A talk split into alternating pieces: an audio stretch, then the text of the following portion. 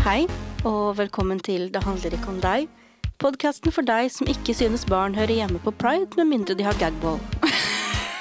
Vi har egentlig et lite pod-opphold mens vi sprenger over med noen andre prosjekter, men i savn etter både podkasten, hverandre og deg, vår mest sexy lytter, med syns vi at vi trengte en ordentlig sommeravslutning.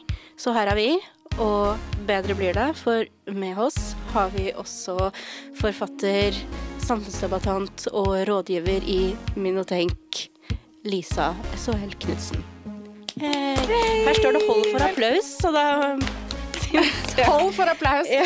Men Ja, vi legger inn, vi legger, skal vi legge inn sånn skikkelig eh, Ja, det kan vi gjøre. Peter, kan du legge inn skikkelig applaus?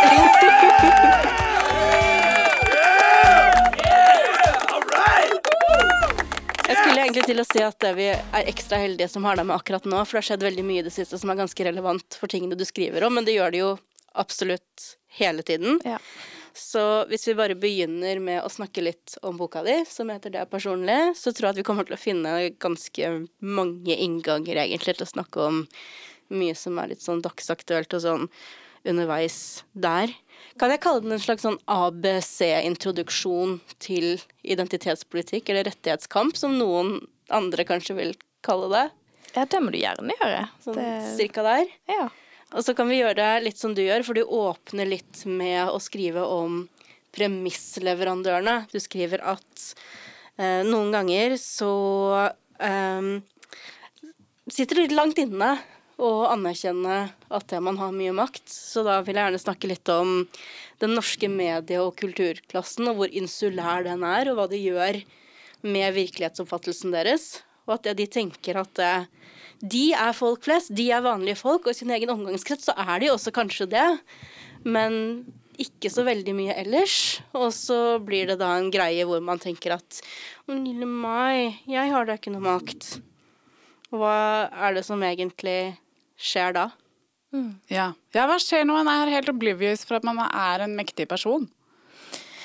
Nei, altså Ja, det er jo, det er jo et stort, eh, stort eh, tema, men, men det å, det er en fin måte å starte på. Men Ja, men det er jo det, så vi, vi, vi kan ta det sånn gradvis. Nei, men, nei, men eh, det første jeg tenker på, er jo liksom at Jo, altså, man kan jo bli litt sånn maktblind. Det er jo et eh, velkjent eh, fenomen, det. Eh, det er veldig Det er vanskelig å, å se eh, hvordan man sjøl liksom påvirker andre, og eh, hvilken makt man har da til å påvirke samfunnet. Fordi for mange av de som sitter med premissene i den offentlige samtalen, eh, de, de gjør jo bare jobben sin. De gjør jobben sin for å få tjent penger. Eh, de gjør det fordi de syns det er gøy, fordi de har et engasjement, osv. De, det er ikke sånn at de våkner eh, liksom om morgenen og tenker åh, nå skal jeg ut og liksom utøve makt og påvirke liksom det folk tenker og det som er på dagsordenen, på en måte. Eh, men det å ta del i den offentlige debatten handler jo om at man vil at flere skal, skal være enige med, med sine egne meninger. Ja, Det må å Eh, påvirke ja. opinionen på sitt vis. Og så er det kanskje litt sånn Kanskje man, man liksom selvjanter seg selv litt, for det er litt sånn flaut å si 'Å ja, jeg er en mektig person, for jeg har en spalte i Bergens Tidende'. Men det, er ikke, det handler jo ikke om å si at 'Å ja, vet du hva, jeg er Norges Rupert Murdoch'. Det er bare mer sånn Ok, så du, du tilhører da en gruppe mennesker som faktisk har tilgang på media, eller å skrive i media. Og jeg kan fint komme på at eh, i Norge så er nok terskelen for å kunne slippe til mye lavere enn den er mange andre steder, kanskje de fleste andre steder. Men å bli en samfunnsdebattant, enten du er det uh, jevnlig, eller om du bare sender inn et meningsinnlegg, det krever jo både et begrepsapparat, og som du også skriver litt om i boka, det å, å kunne en del sosiale koder som ikke er alle forunt, eh, ha tid, overskudd, eh, å kunne gjøre det. Så det er jo forbeholdt en veldig liten gruppe mennesker likevel. Det er jo fortsatt et elitefenomen på sitt vis, selv om det er mer tilgjengelig enn mange andre steder. Ja, og selv om det er mange som slipper inn innimellom, så er det jo et fåtall mennesker som blir og gjør eh, karriere av å være samfunnsdebattant eller kommentator, eller hva man egentlig kaller det. Noen er fast ansatte, og noen, noen leverer bare spy fra sidelinje.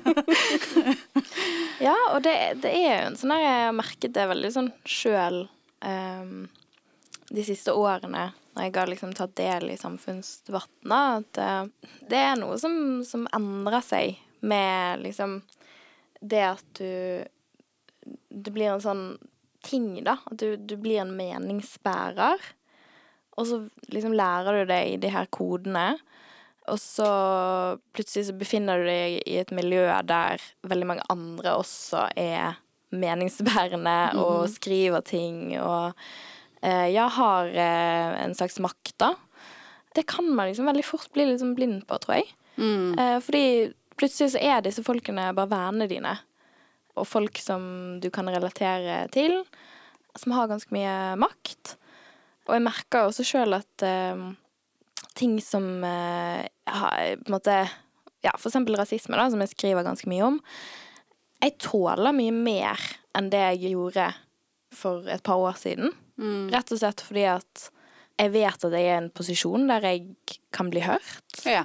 Jeg har vært eh, ganske privilegert og fått eh, hjelp med liksom, problemene mine og vonde minner og, og sånne ting. Mm. det er en del av det. Og jeg vet hvordan jeg skal snakke for å få folk til å høre på meg. Sånn at det er en sånn her Det er en veldig privilegert posisjon, da. Og jeg tror at når mange av eh, oss som, eh, som deltar i samfunnsdebatten, og som bruker altså bruker identitetspolitikk, eller som eh, snakker om våre egne identiteter, så må vi også huske på at liksom på en måte så jeg er kvinne, jeg er brun, det er mye ting jeg kan bli utsatt for, men jeg har også en posisjon, da. Mm. Jeg har fått en posisjon eh, som gjør at eh, jeg har også noen privilegier, eh, privilegier eh, som mange ikke har. Sånn at eh, jeg tror det er en sånn veldig eh, underkommunisert ting også, da.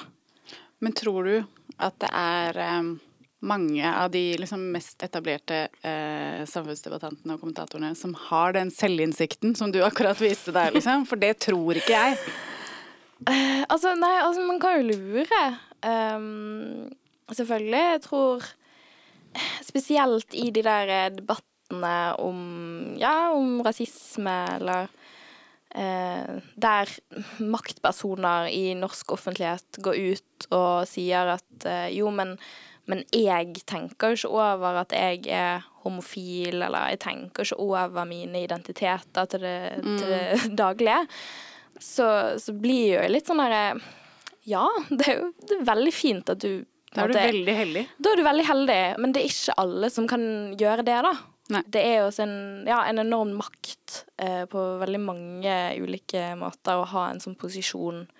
Eh, bli betalt for å mene, eh, og liksom ikke bare på tross av din identitet, men noen ganger Altså, jeg kan jo være ærlig og si at jeg har jo også liksom på mange måter ja, brukt mine erfaringer eh, som en svart kvinne, da. Jeg syns ikke det er noe negativt Mm. Nei. med det. Nei. Jeg tenker eh, det er liksom perspektiver som også trengs i den offentlige debatten. Absolutt. Men eh, jeg vil bare ikke liksom være en som sier at eh, ja, men eh, nå går ikke jeg rundt og kjenner så veldig mye på at eh, det å være svart hindrer meg i arbeidslivet. Nei. For meg, med meg i min situasjon, så gjør det ikke det. Men for noen andre så kan det være realiteten, da. Ja, absolutt. Og det, jo, det jo, handler jo også mye om, som du sier og skriver om også, at du har på en måte lært deg det språket man skal bruke og de kodene, og det er ikke altså Akkurat det å lære seg det språket og følge alle de sosiale kodene er ikke like lett for alle, da. Jeg har også som deltaker i samfunnsdebatten liksom følt litt på det samme. Jeg var liksom Nå var det det, 2015 kanskje, så var det en sånn stor debatt om kjønnsmangfold. Eh, kvinner i musikkbransjen, hvor vi begynte å telle, liksom. Da fikk jeg veldig kjapt den der Ja, men du bare skyver de andre foran deg fordi at du er åpenbart i posisjon. Og jeg må også innrømme at da Nei, jeg er ikke direkte påvirket av dette, men se hvor mange andre som er det, liksom. Men da blir det også med en gang sånn Å, ja, men du skyver de andre foran deg. Så sånn, hva, hvorfor Åh!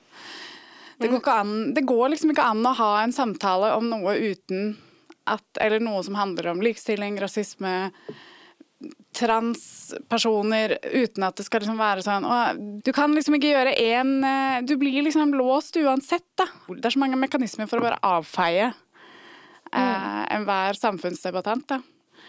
Særlig liksom på feltet likestilling og rasisme. Jeg tenkte jeg skulle spørre eh, Lisa litt mer om sånn én ting. Fordi altså, nå spurte jo du om eh, er det så mange som har den selvinnsikten, og det er det kanskje ikke så veldig mange som har. Men du sier at du, du har begynt å liksom tåle mer. Du får en viss sånn selvtillit av å vite at eh, du blir kanskje hørt mer enn mange andre. Jeg tror at for mange samfunnsdebattanter så vil hensynet man tar til hvem enn som berøres av det du skriver. Og tror du det minker litt i takt med den selvtilliten? Tror du det bare blir enklere å behandle ting som veldig sånn spennende tankeeksperimenter? Og så, så, som liksom er i teorien, at folk blir litt sånn Ja, nei, vet du hva, jeg er jo bare en tenker Jeg bare stiller spørsmålene. Frakoblet tema, frakoblet, for tema du egentlig snakker om. du er så trygg på deg selv, og du bare tenker at uh, uansett hva jeg skriver, så bare bidrar jeg til en, en rik meningsutveksling. Og så tenker du kanskje ikke så veldig mye på at det, det her er faktisk virkeligheten for ganske mange mennesker. Og så ser vi òg veldig, veldig, veldig Veldig, veldig, og så er jeg også veldig, og, og veldig eh, mye at mediene vil jo ha spissformulerte vinklinger. De vil ha kulturkrig. Som regel så er det jo såkalt tjener penger på kulturkrig.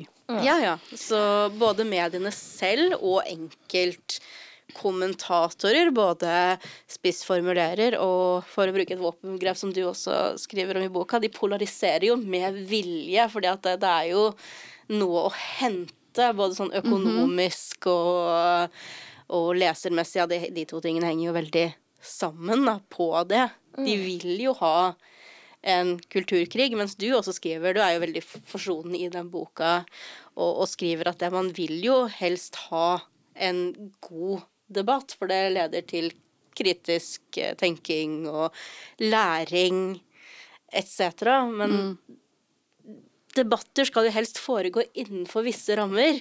Det er ikke å legge lokk på ytringsfriheten. I så fall så er jo ordstyrere den største trusselen vi har mot uh, Ytringsfriheten. ytringsfriheten. Det har jeg vært veldig sint på eh, det siste. Det at eh, OK, mediene har virkelig skjønt at dette her med liksom clickbait, det er, eh, det er bra. Eh, og ikke bare sånn kjendis-clickbait eller sånn eh, Gikk ned 40 kilo på Nei, nei. tre uker, liksom. Eh, men nå er det liksom kulturkrig-clickbait nå, da. Ehm, som på mange måter eh, Ja, de forrige clickbaitsene er jo Det er mye dumt der, liksom. Men nå snakker vi Jeg føler jo det er ordentlig farlig, da. Eh, fordi eh, det gjør oss, eh, gjør oss dummere.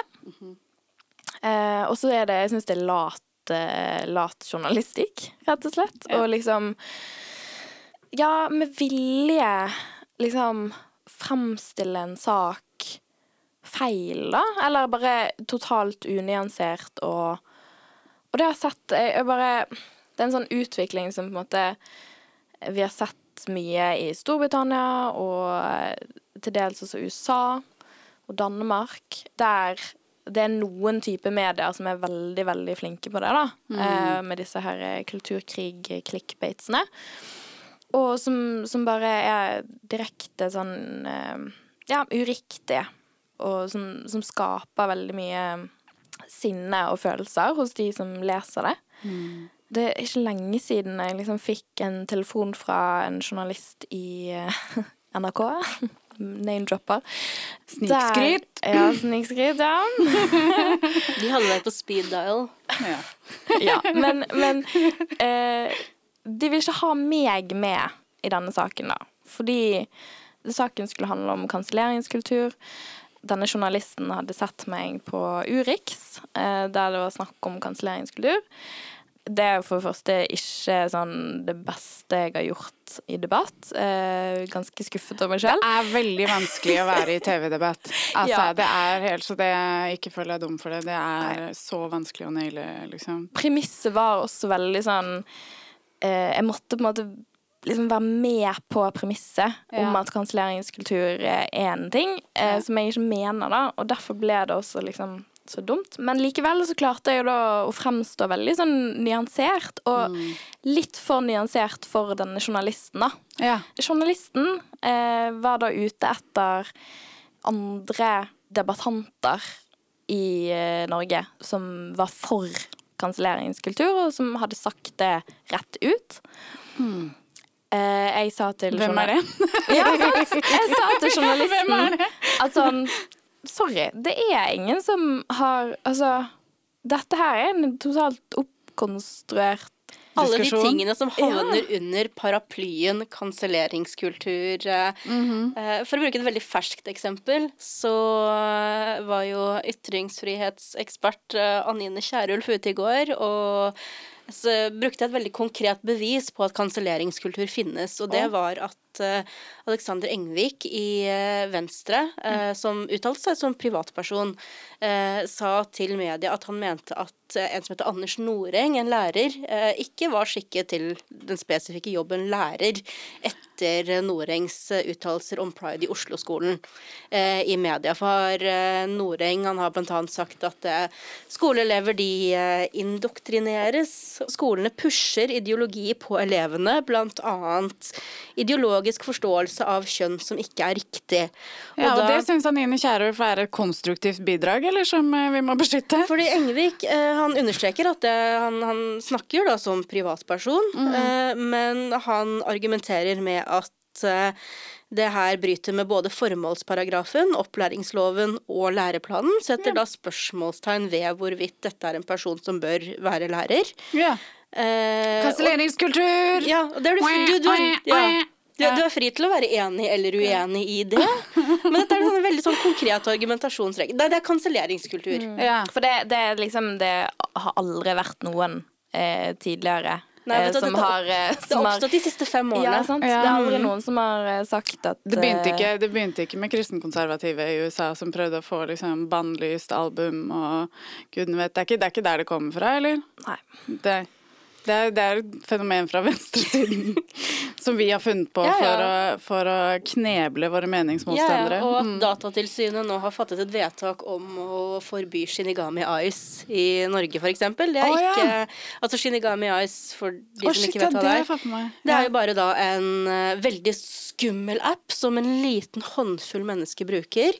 Uh, og der er det da personer eller kontoer på nett som kan merkes med rødt eller grønt hvis de har uttalt seg enten transnegativt eller for den saks skyld eh, transpositivt, bare for å gjøre at det kan bli litt tryggere å navigere nettet for folk som ikke nødvendigvis er kjempekeen på å få hatprat rettet mot seg selv dytta opp i trynet hver eneste dag. Eh, dette skal da forbys. Ja, For det er Um, Datatilsynet som har forbudt det, er det ikke? det er det. De har eh, Men altså, hvem er det som liksom har fått de til å forby det? Det lurer jeg på. Nei, altså Jeg, jeg har noen teorier, da. Ja. altså, det er jo eh, folk som har fått dette med seg eh, i sosiale medier, at denne appen finnes, og, og mener at det, det kan muligens ha vært subjekt som var først på på ballen med Rart å med skrive sak eh, om, Om det, eh, om det. Eh, og stille da spørsmål om dette Kan dette være lovlig, ulovlig, da? Mm. Men nei, nei, det er ikke noe sånn kanselleringskultur. Nei, eh, nei det er ikke noe For kansellering. det, det som er interessant med kanselleringskultur, er jo nettopp hvilke saker som Mm. blir stemplet kanselleringskultur og ikke. Jeg syns jo at eh, det er på grensen til rasistisk og, og transfobisk at de sakene som blir eh, kalt liksom illegitime, den kritikken som blir kalt illegitim, og som, som blir avfeid, da, det handler enten om rasisme, eller så handler det om transproblematikk, eh, problematikk, da. Mm. Eh, andre saker eh, som eh, altså eh, Russland og Ukraina, folk som har eh, eh, sagt positive ting om Russland der, det er liksom alle enig i. Eh, at eh, jo, da burde du miste jobben, eller da burde du eh, gå ut av politikken. Mens når det handler om rasisme eller eh, transfobi, så, så er det liksom Nei, da er det aktivister som, som bare vil kneble ytringsfriheten. Ja, de har rett og slett bare importert eh, tankegods fra USA og amerikansk campuskultur. Som Det er det vi har gjort, og det er bare det er bare i gruppa vi som eh, bryr oss om avisa Klassekampen, at det å få sparken for å være pro Putin er kanselleringskultur, tror jeg.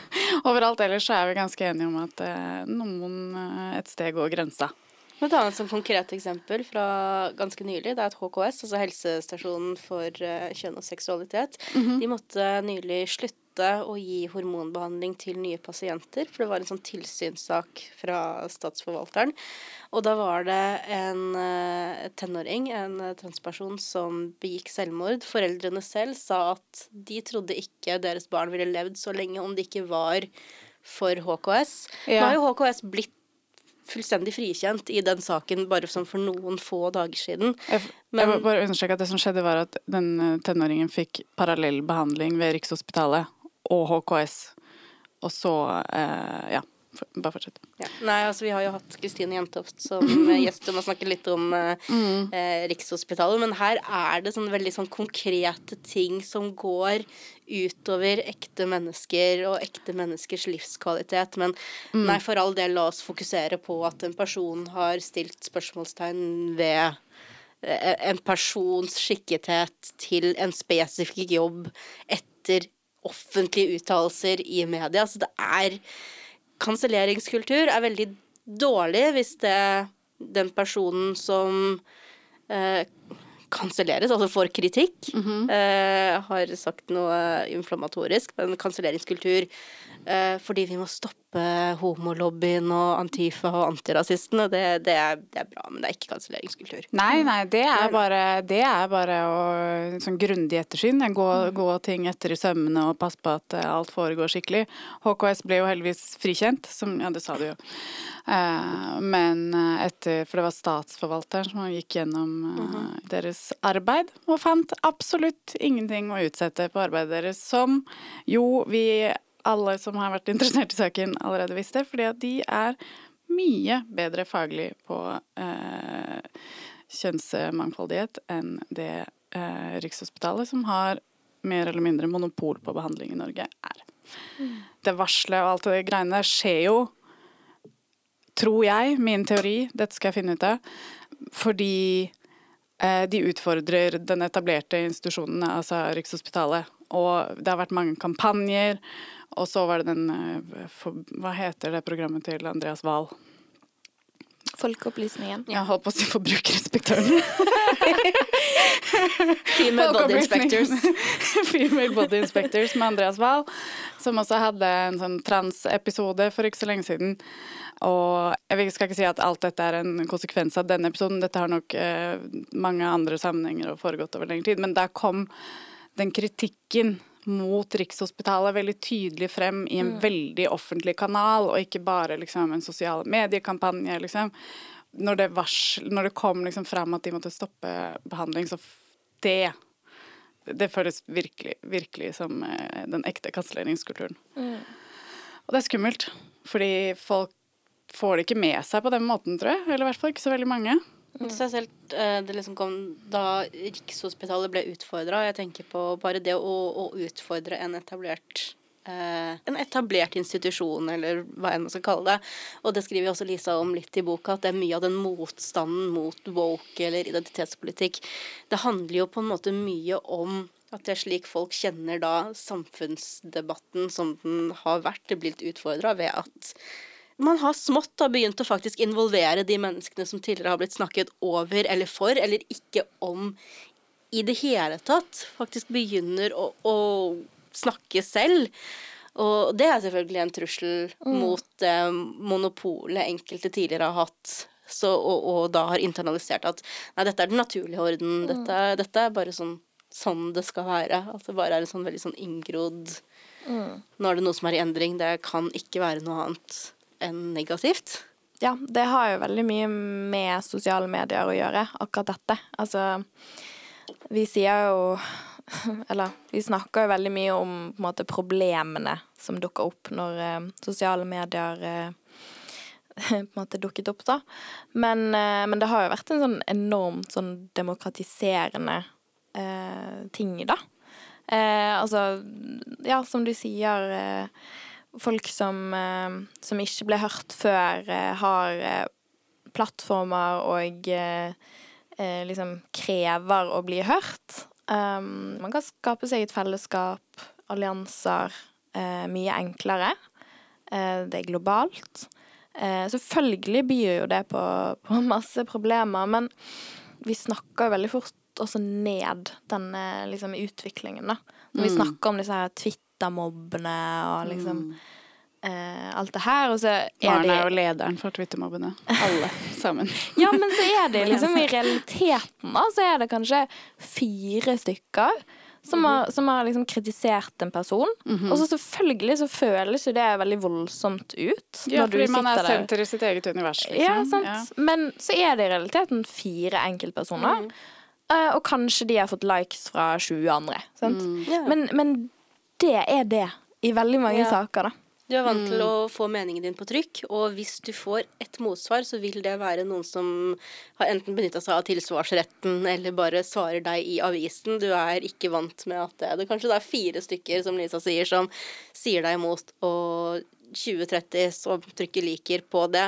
Da føles det som en sånn automatisk sånn voldsomt trykk, for du er bare ikke vant til at det, det her faktisk går vegg i vær, at det finnes kanskje flere mm, enn du tror, som kanskje sitter i den andre enden og tenker at «Æ, nei. Ja, og, og, og det at liksom disse Altså når du har en, eh, en profil på Twitter eller Facebook, da, så, så føles det også Altså dette er ting du kanskje bruker på fritiden. Det liksom Det føles mer privat. Du eh, måtte sosialisere med venner og bekjente på disse plattformene. Så når du får liksom den motstanden så privat, da, Ja, rett i det, jeg mener, liksom. ja, så, så oppleves det også veldig voldsomt. Eh, og det kan jeg for så vidt eh, ha liksom eh, Kan ha sympati med det.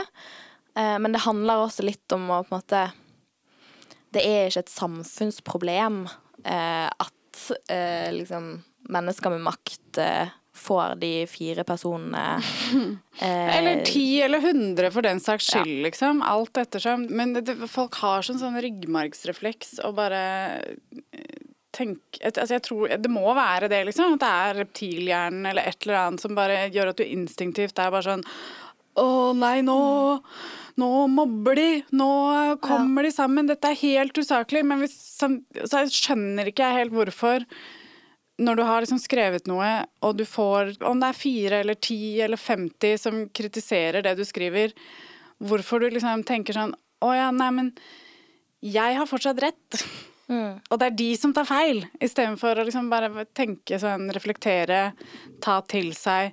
Kanskje skrive noe mer. Kanskje, altså, det kommer jo selvfølgelig litt an på hva kritikken består i, Ja, ja. så klart. liksom. Men vi sitter bare på sånn hver vår haug, og så ser vi noe kritikk, men den bare farer forbi som noe sånn idiotisk som vi ikke klarer å ta til oss.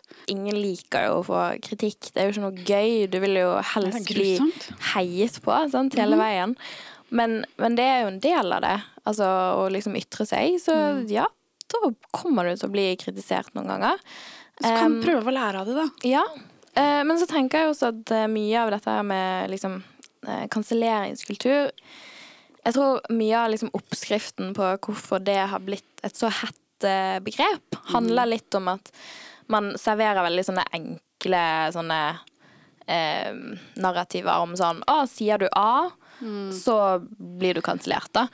Em, og så tror jeg at folk sitter, og spesielt premissleverandørene, sitter og tenker at når det skjedde med Kevin Hart eller Jordan Peterson, liksom, Ja. da kan det skje med meg òg. Jeg tror det er, det er litt som med metoo, da. ja. Eh, at når man så at liksom ha, han fikk hard medfart eh, i liksom, media fordi at han gikk rundt og klasket damer på rumpen. Eh, tenk hvis jeg har gjort noe sånt. Ja. Tenk hvis jeg har sagt noe liksom ekkelt til en dame for 15 år siden.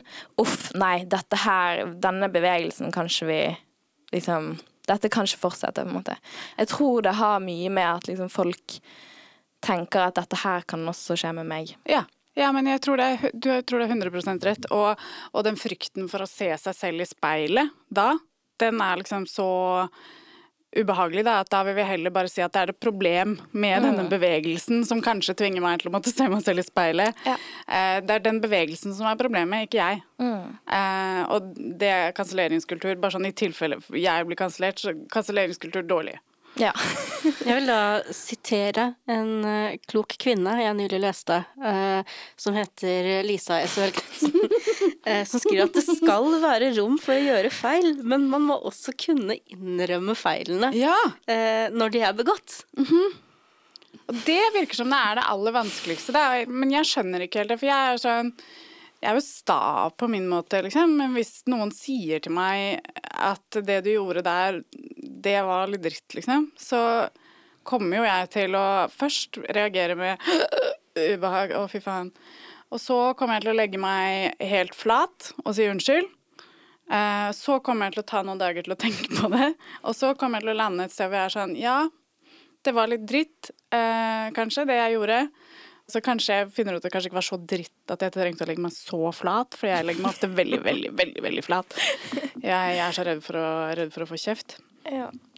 Men så lærer man av det, og så blir man litt bedre og litt smartere, og så Vi kunne alle utviklet oss sånn, liksom. Hvis du er en litt sånn sta og pompøs person, tenk så mye deilig moralsk overlegenhet du kan finne i å lære av noe. Ja. Bare hvor god person du kan fremstå som hvis du bare Her tok jeg feil, og jeg har blitt et fantastisk menneske nå.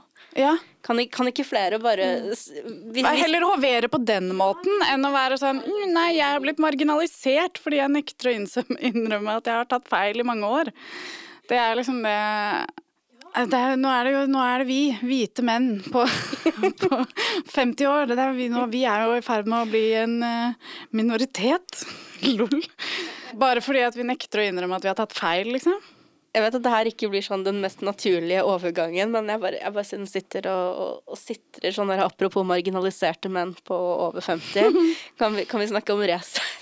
Vi kan, eh, vi kan begynne der. Vi har mye, altså, vi har mye å ta igjen for, da, som eh, Det er nettopp det. Det har skjedd så veldig mye lyttere- mens vi har vært borte. Og det er sånn det er tingene vi snakker om. Vi har hatt eh, den der jævla prinsessebursdagen på Deichman. Vi har uh, Sanna Saroma versus uh, feite folk. Uh, Oh my vi God. har Og, og Sanna Saroma versus eh, skoler og to, de to siste ukene i Ja, dette har ikke jeg fått med meg. Har du noe imot skoler også? Ja, mot at eh, man har liksom litt skille liksom de siste ukene før sommerferien. At det, ikke bare er sånn strikt akademisk. Sanna Saroma kommer fra Finland, der de ikke har lekser. De er på skolen tre timer om dagen, og de er verdens mest utdannede folk. Kan Sanna Saroma bare holde kjeft snart? Jeg så en sånn Kjenner hun sånn- ikke sin eg, sin, sitt eget land? Det var en sånn liten kultur? sånn førsteklasse som var på en sånn tur med de fine refleksvestene sine, kom ut fra Nationaltheatret i dag. Bare sånn, jeg vet ikke, sånn 20 smårollinger eller noe sånt, mm. som bare var ute og vingla litt før sommerferien. Jeg bare liksom satt og tenkte på hvor mye Sanda Saroma sikkert kunne ønske at hun var trikkefører, som bare kunne meie ned hele sånn dominoer. Nei. dere hater det. Før vi går, over, før vi går til resett, så tar vi en pause her. Vi, blir, vi dveler litt ved Sanna Saroma. Det kan vi godt. Hvorfor? Nei, vet du hva. Jeg, jeg tror, jeg tror uh, Hun er en veldig smart dame, det er det jeg tror. Jeg tror uh, hun vet at vi blir sykt provosert av de tingene hun skriver. Eh, og og det, det, er en, eh, det er en bra oppskrift, rett og slett, for å få spalteplass i VG. eh, det er å, å skrive provoserende ting Ja. og komme på Dagsnytt 18. Men det er jo litt sånn som eh, du snakket om i stad, om eh, de som egentlig vet litt hva de gjør, hvordan de burde skrive, men allikevel så blir det clickbait-saker. Men det, det er et begrep som eh, jeg lærte på TikTok, som heter Weaponized Incompetence. Mm. Det er kanskje det de holder på med. Skal vi, jeg har oversatt det til norsk også, men det husker jeg det ikke. Overlagt, overlagt inkompetanse. Man kan bli veldig provosert av mye av det hun skriver, men, men så er det ofte liksom veldig uskyldige ting. Sant? Det er liksom der skoleferie eller liksom eh, juni og sånn, men når hun begynte å skrive om kroppspositiv... altså Ja. Om teorier om at liksom tjukke folk eh, skal være mindre intelligente og sånn, da ble jeg ordentlig, ordentlig, ordentlig sint. Og, for det, det er faktisk virkelig skadelig. Og så Ja. har vi the greatest hits, da, sånn som at uh, kvensk er et tilbakestående språk, og at barn Ja, med downs burde gå på spesialskoler for å ikke være en forstyrrelse for de uh, altså quote on quote uh, friske uh, barna. Jeg Jeg, jeg, tar det, jeg tar det tilbake. Mye av det Mye av det er en forskjell på når hun skriver om de tingene, og når hun Ja. bare skriver om Altså jeg Hun skriver bare fordi hun må ha inn noe- noen kroner, liksom. Nei, altså- Skoleferie, Men dårlig. det, det er jo en sånn interessant ting hva det sier om eh, folks internaliserte hat mot feite når det kommer en, en bevegelse som kroppspositivitet, da. Ja. Som eh, mange da tar til sånn automatisk inntekt for at Nei, det her er glamorisering eh, av å, å være feit og å være usunn. Når alt som egentlig blir sagt, er det er veldig viktig å ikke hate seg selv hvis du skal være sunn.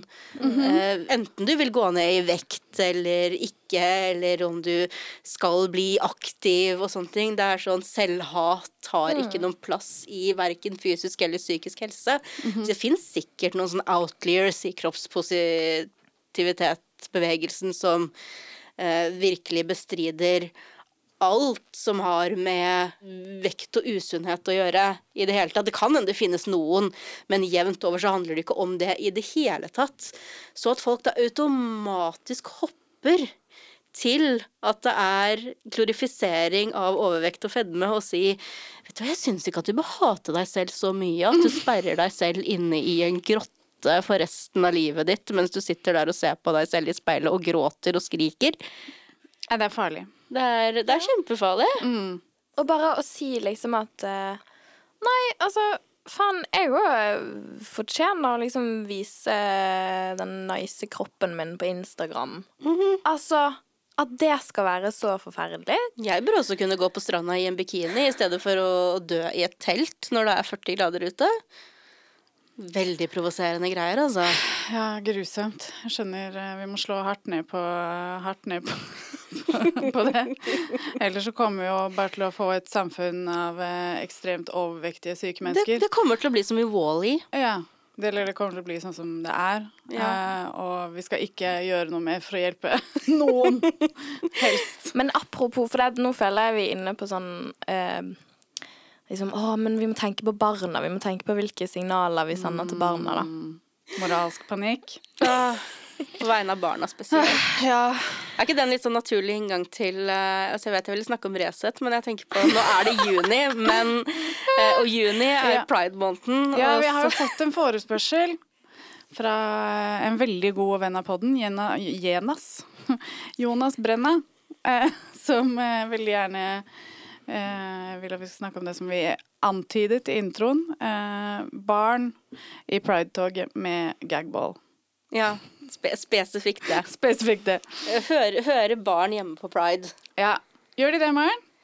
Altså, Jeg er i utgangspunktet positiv til barn på pride, men du må jo ta en egenvurdering. da. La oss si at du er mor, far eller generell eh, omsorgsperson til et barn.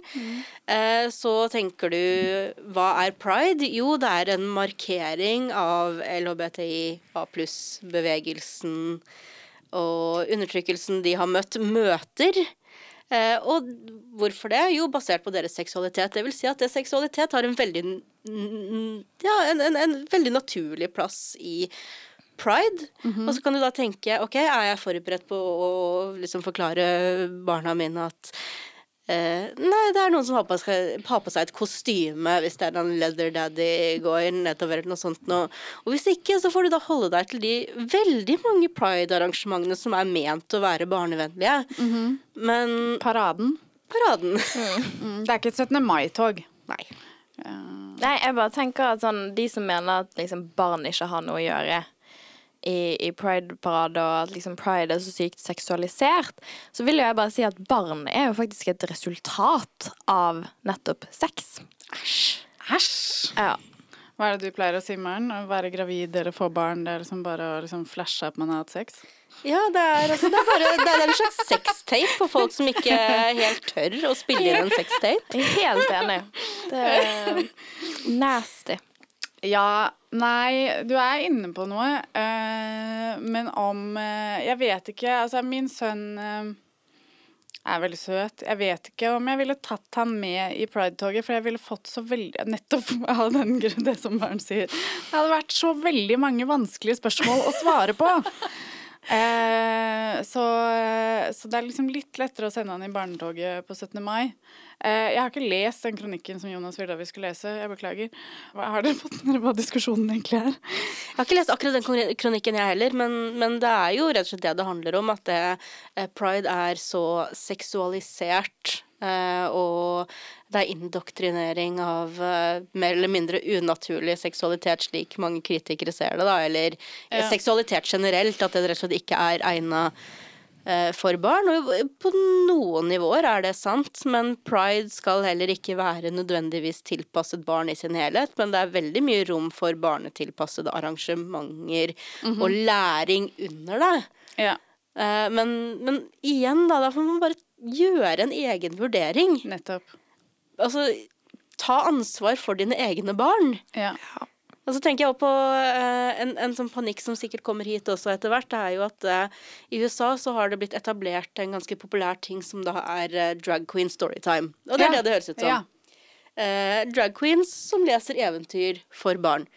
Men fordi det også finnes drag queens som har show som er seksualiserte, hvor de er lettkledde og kanskje blir mer lettkledde underveis, så betyr jo det naturligvis også at det er fullt påkledde drag queens som ikke snakker om De, sex. forstår ikke, de forstår ikke forskjellen på bibliotek og en klubb. Nei, de aner rett og slett ikke forskjellen. Men her er jeg faktisk enig. øh, fordi Eller altså enig og enig. Det jeg bare tenker, er at jeg, vi, vi vil bare ta det ett steg lengre. For det, hvem er det også som ofte er seksualiserte, lettkledde, oppfører seg promiskuøst, men også leser eventyr for barn? Jo, kvinner. Å ja. Kvinner- si, kvinner si burde faktisk ikke- Ja. Kvinner bør ikke ha lov til å lese eventyr for eller generelt omgås barn. Ja, ja, ikke sant? Eller som eh, Lisa var inne på, republikanere. Ja. Eh, jeg var en kompis av meg som fortalte for ikke så lenge siden at eh, eh, politikere de har ikke så veldig høy intelligens ofte. De ligger ofte på sånn rundt eh, 105, da. Eh, og så husker jeg ikke helt hva gjennomsnittet er. Det er litt, litt over gjennomsnittet, liksom. Men, eh, og, men han mener da at grunnen til at eh, Eh, Det er noe av grunnen til at de liksom så lett slenger frem kølla eller oppfører seg upassende fordi at eh, når man er skikkelig kåt og full eh, og på fest, så mister man ca. 10-15 eller 15-20 prosentpoeng av den intelligensen. Så man blir jævlig dum, og da er det veldig lett å plutselig bare stå og vifte med kølla i ansiktet til en 17-åring. Men, men det kan jo Så jeg mener at altså, politikere burde heller ikke få lov til å ha noe Nei. med barn å gjøre. Sant. Og det, det har vært masse sånn snakk nå i USA om eh, For det har vært eh, en, da, eh, i en republikaner som har kommet med noen sånne avsløringer om at eh, i det republikanske partiet så skal det angivelig ha vært masse sånne sexfester og eh, swinging og ulike ting. Ja. Eh, som, som jeg syns det er litt, litt gøy. De må jo få kose ja, seg. i det kose seg. Ja, ja. Det er rart det der med at det undertrykt seksualitet gjerne gir utslag eh, på et eller annet tidspunkt. Det er eh, Kan ikke forstå det der, altså. Nei, hvem skulle trodd? Vi har også fått et ønske om å snakke litt om eh, konseptet straight pride, for det skal nå avholdes en eh, straight eh, pride eh, eh, Jeg vet ikke om det er en parade, men iallfall et straight pride-arrangement. Ja. Hvor, hvor var det, liksom? Jeg husker ikke. Eller noe sånn bakevje. Skal vi det google det? sånn som jeg husker eh, Jeg eh, ble ekstremt eh, sint eh, da Joakim Lund i Aftenposten skrev i 2020, så skrev han en sak med overskriften 'Alle liv betyr noe'.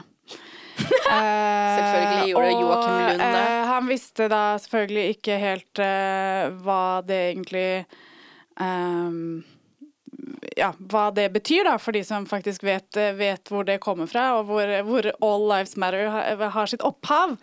Men det er jo litt samme her også. Jeg bare kan ikke forstå Øyer at det er en person i øyer. Ja.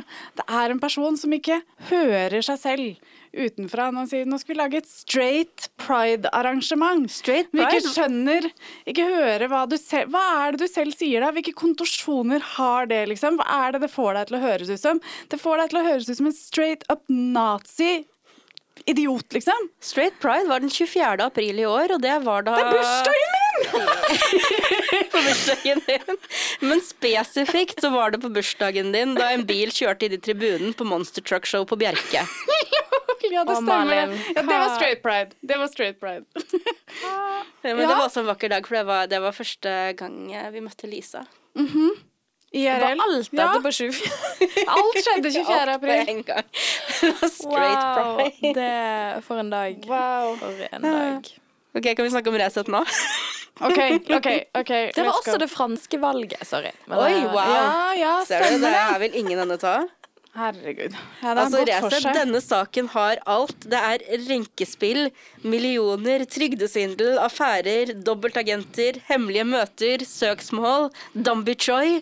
Trygde, trygdede folk bosatt i Filippinene og Thailand. Ja, vært innom trygdesvindelen. Ja, å ja, unnskyld.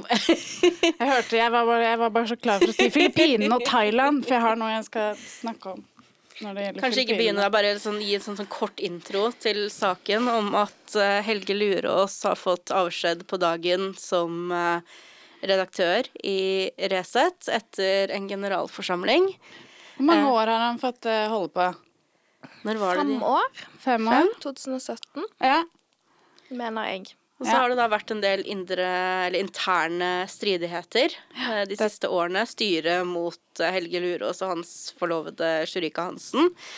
Eh, mye greier. Eh, sånn komplott og utskvising og Men, men det ender i alle fall med at eh, Helge Lurås er ute av Resett. Maria Sæler, eh, eller Sæler, eh, hvis Altså, altså ja, Maria.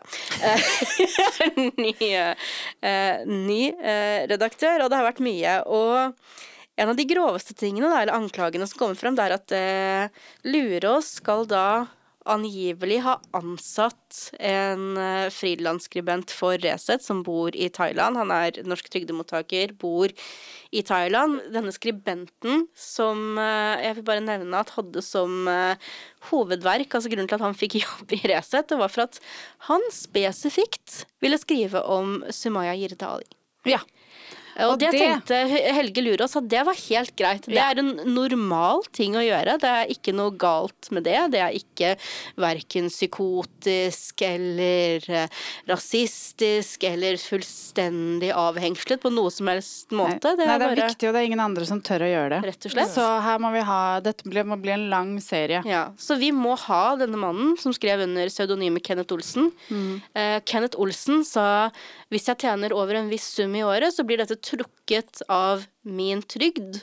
Og tilfeldigvis så fikk han da betalt kun under den satsen. mm -hmm. uh, mens de resterende pengene angivelig skal ha kommet inn på kontoen til uh, En annen. En annen. Bosatt i Filippinene, Ja. som fakturerte for han.